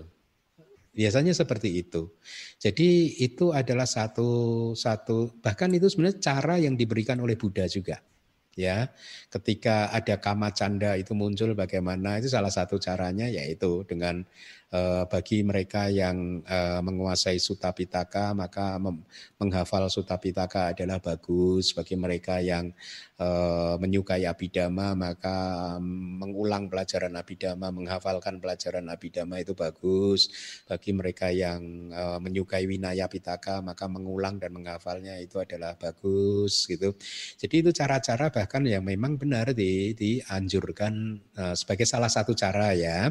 Tidak tidak satu-satunya cara yang dianjurkan oleh uh, Buddha begitu.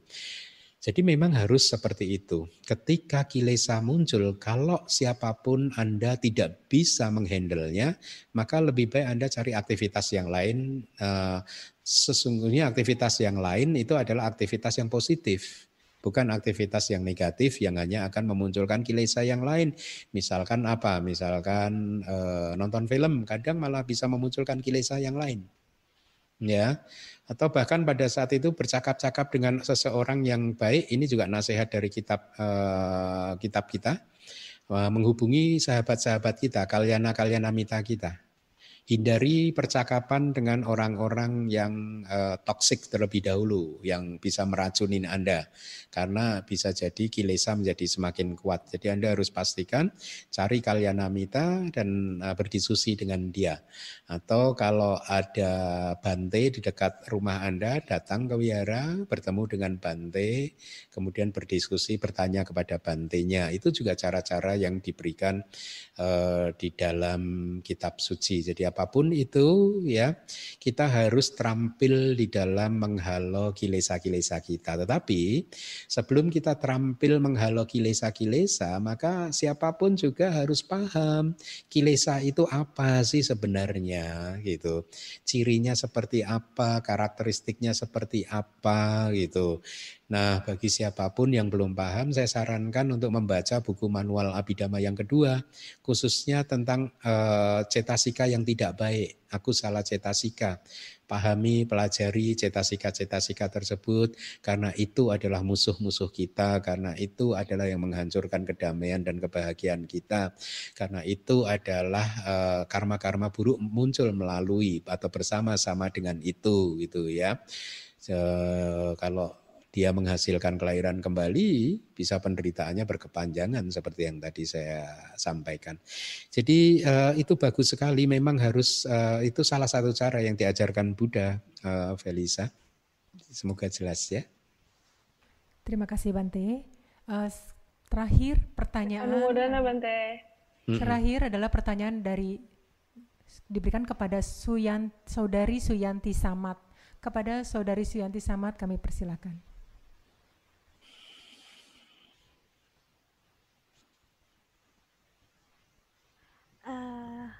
Sukihoto Bante, uh, saya Suyanti dari Jakarta.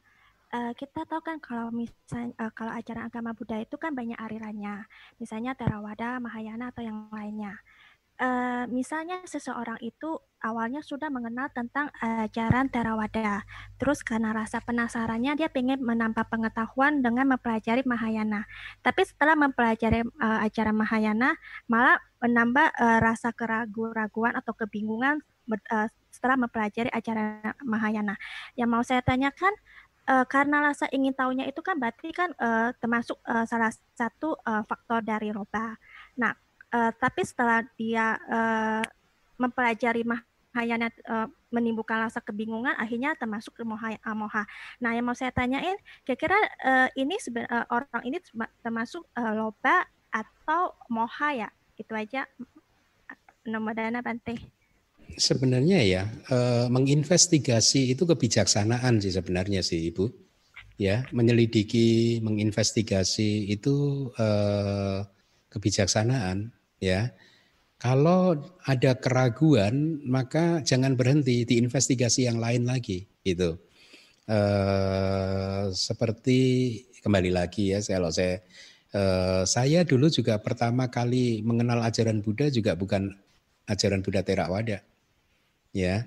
Tapi saya investigasi terus gitu uh, dengan cara memberinya memberikan waktu yang cukup untuk mempelajari dan mempraktekannya. Itu yang dulu saya lakukan. Jadi kita harus fair ya, fair untuk menguji itu kita harus memberikan waktu yang cukup ya untuk mengujinya dengan cara mempelajarinya dengan sungguh-sungguh dan kemudian mempraktekannya. Itu yang saya lakukan dulu ya. Jadi sekali lagi saya pertama kali mengenal ajaran Buddha bukan Theravada. Ya. Tapi saya memberikan waktu yang cukup untuk mempelajari dan mempraktekannya. Jadi banyak sebenarnya praktek-praktek Buddhis non Theravada yang di masa lalu saya pernah lakukan, ya. Tapi kemudian saya merasa tidak cocok, bukan berarti saya menjelek-jelekannya. Saya rasa tidak pernah ada deh yang mendengar saya menjelek-jelekan yang lama gitu. Enggak. Ya. Enggak perlu dijelek-jelekan. Ya ini semata-mata karena makanan ini enggak cocok buat saya saja. Mungkin makanan ini cocok buat orang lain tapi buat saya enggak cocok. Ya kan sama kan. Saya suka makan pagi ini, makan pagi itu, Anda suka makan pagi ini, makan siang itu dan lain sebagainya, beda-beda gitu. Nah, tapi ketika tidak cocok ya, eh, tidak perlu kita marah-marah tidak perlu menjelek-jelekan karena itu jadi dosa, kebencian, kemarahan itu. Eh, menjelek-jelekan itu cetasika dosa juga, kemarahan juga, kebencian juga. Ya, kita tidak perlu menjelek-jelekannya. Kita hanya tahu bahwa itu tidak cocok untuk saya. Seperti makanan kayak saya tidak bisa makan makanan yang pedas. Maka bukan berarti saya memusuhi makanan yang pedas, ngomel-ngomel terus dengan makanan yang pedas. Tidak. Saya tahu bahwa itu bukan makanan yang cocok untuk uh, stomach saya, untuk perut saya itu. Ya. Nah, tetapi karena saya ada kebutuhan ya, ada kebutuhan untuk mencari ajaran, akhirnya saya mencari terus. Ketika ini tidak cocok, saya mencari yang lain. Itu saya makanya dulu di masa lalu saya berpindah-pindah saya berpindah-pindah dari satu tempat ke tempat yang lain terus begitu sampai ketemunya di Myanmar. Begitu. Saya menemukannya di Myanmar begitu. Uh, jadi seharusnya sih seperti itu ya, ketika anda atau teman Anda atau siapa pun menginvestigasi satu ajaran dan kemudian tidak cocok, ya jangan berhenti. Cari yang lain. Ya, cari yang lain sampai Anda ketemu yang cocok karena Ini adalah tanggung jawab pribadi, tanggung jawab masing-masing, yaitu menemukan ajaran yang bisa membuat hidup kita itu menjadi ringan, nyaman, bahagia, damai, dan seterusnya. Itu tanggung jawab kita, dan itu adalah tugas, kewajiban di dalam kehidupan untuk menemukan itu, gitu ya. Nah, eh, apa? Sebenarnya Anda itu uh, umat Buddha yang sejak lahir sudah dipilihkan orang tuanya beragama Buddha, sedikit banyak seharusnya juga beruntung karena Anda langsung dipilihkan oleh dengan ajaran yang eh, apa uh, ya menurut saya kan ya yang baik begitu. Nah, oleh karena itu kalau Anda sudah beragama Buddha, maka eh, ini dulu yang saya lakukan ya saya sering merenung dulu di awal-awal ini. Kan saya sangat mengagumi Seado Seado begitu ya di awal-awal. Bahkan saya juga mengagumi His Holiness Dalai Lama. Saya pernah mengikuti kelas beliau juga. Saya sering merenungkan kalau Buddha itu bukan orang yang hebat masa ini beliau-beliau ini bisa percaya dan juga memberikan teachings yang bagus yang saya suka seperti ini gitu. dari faktanya beliau-beliau ini hormat kepada Buddha dan dari faktanya beliau-beliau bisa memberikan teachings yang bagus, maka Buddha pasti ini adalah orang yang hebat. Oleh karena itu saya harus berjuang untuk bisa mengenal Buddha, memahami Buddha dengan cara mempelajari kitab sucinya. Nah jadi saya rasa mirip-mirip seperti itu yang bisa dilakukan oleh ibu atau teman ibu tadi ya. Eh, saran saya teruslah bergerak, tapi saran saya begini bu, pelajarilah ajaran itu dari kitab sucinya bu. Ya, jangan mempelajari ajaran itu dari pendapat guru-guru pribadi-pribadi itu, jangan. Pelajari kitab sucinya, ya. Karena uh, saya bukan bukan orang sedang bermaksud untuk menjadi orang yang fanatik, bukan. Tetapi kitab suci ini sangat indah. Kitab suci ajaran Buddha ini sangat indah. Gitu. Ya, dan ini sangat mencerahkan karena memberikan petunjuk yang bisa membawa kita keluar dari uh, samsara ini, gitu. Jadi uh, pelajarilah ajaran dari kitab suci, bukan dari omongan orang per orang. Kitab sucinya, pelajari kembangkan perhatian, sadar dan lain sebagainya dan kemudian silahkan dinilai eh, sendiri begitu.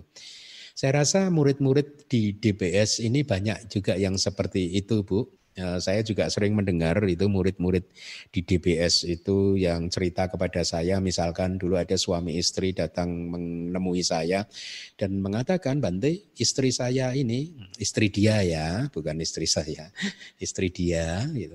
Ini ceramah kalau di depan nggak ada orang nggak bisa ini nih. Beda ini. Beda kalau ceramah di depannya ada umat itu.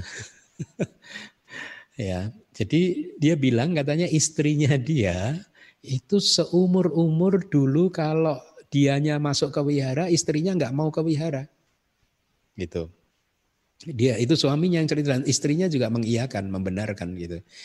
Dia tidak pernah mau masuk ke wihara. Jadi suaminya masuk ke wihara sendiri, istrinya hanya tinggal di dalam mobil aja, nggak mau. Gitu. Ya, saya lupa alasannya apa, katanya mungkin belum terinspirasi atau apa. Tetapi ketika mendengar pelajaran pembelajaran kitab suci di DBS, malah dia yang rajin ke DBS. Gitu. Si istri tadi itu rajin sekali mendengarkan begitu. Uh, ada banyak cerita-cerita tersebut. Hampir banyak dari umat-umat di DBS itu tadinya juga uh, agama Budanya cung-cung cep aja. Ya, mengandalkan amulet ini amulet itu mengandalkan mantra ini mantra itu gitu ya yang hanya eh, mempelajarinya. Ya karena bukan salah mereka sebenarnya. Saya tidak sedang bermaksud untuk menyalahkan mereka.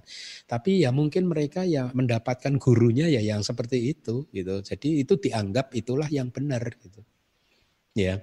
Nah, kemudian setelah setelah mendengarkan pembelajaran di kelas Pariyati Sasana, akhirnya mereka bisa banyak yang bisa melepaskan itu semua dan Banyak yang sudah mengatakan kepada saya kehidupan mereka menjadi lebih ringan, lebih nyaman, lebih damai, lebih ini, lebih itu. Begitu.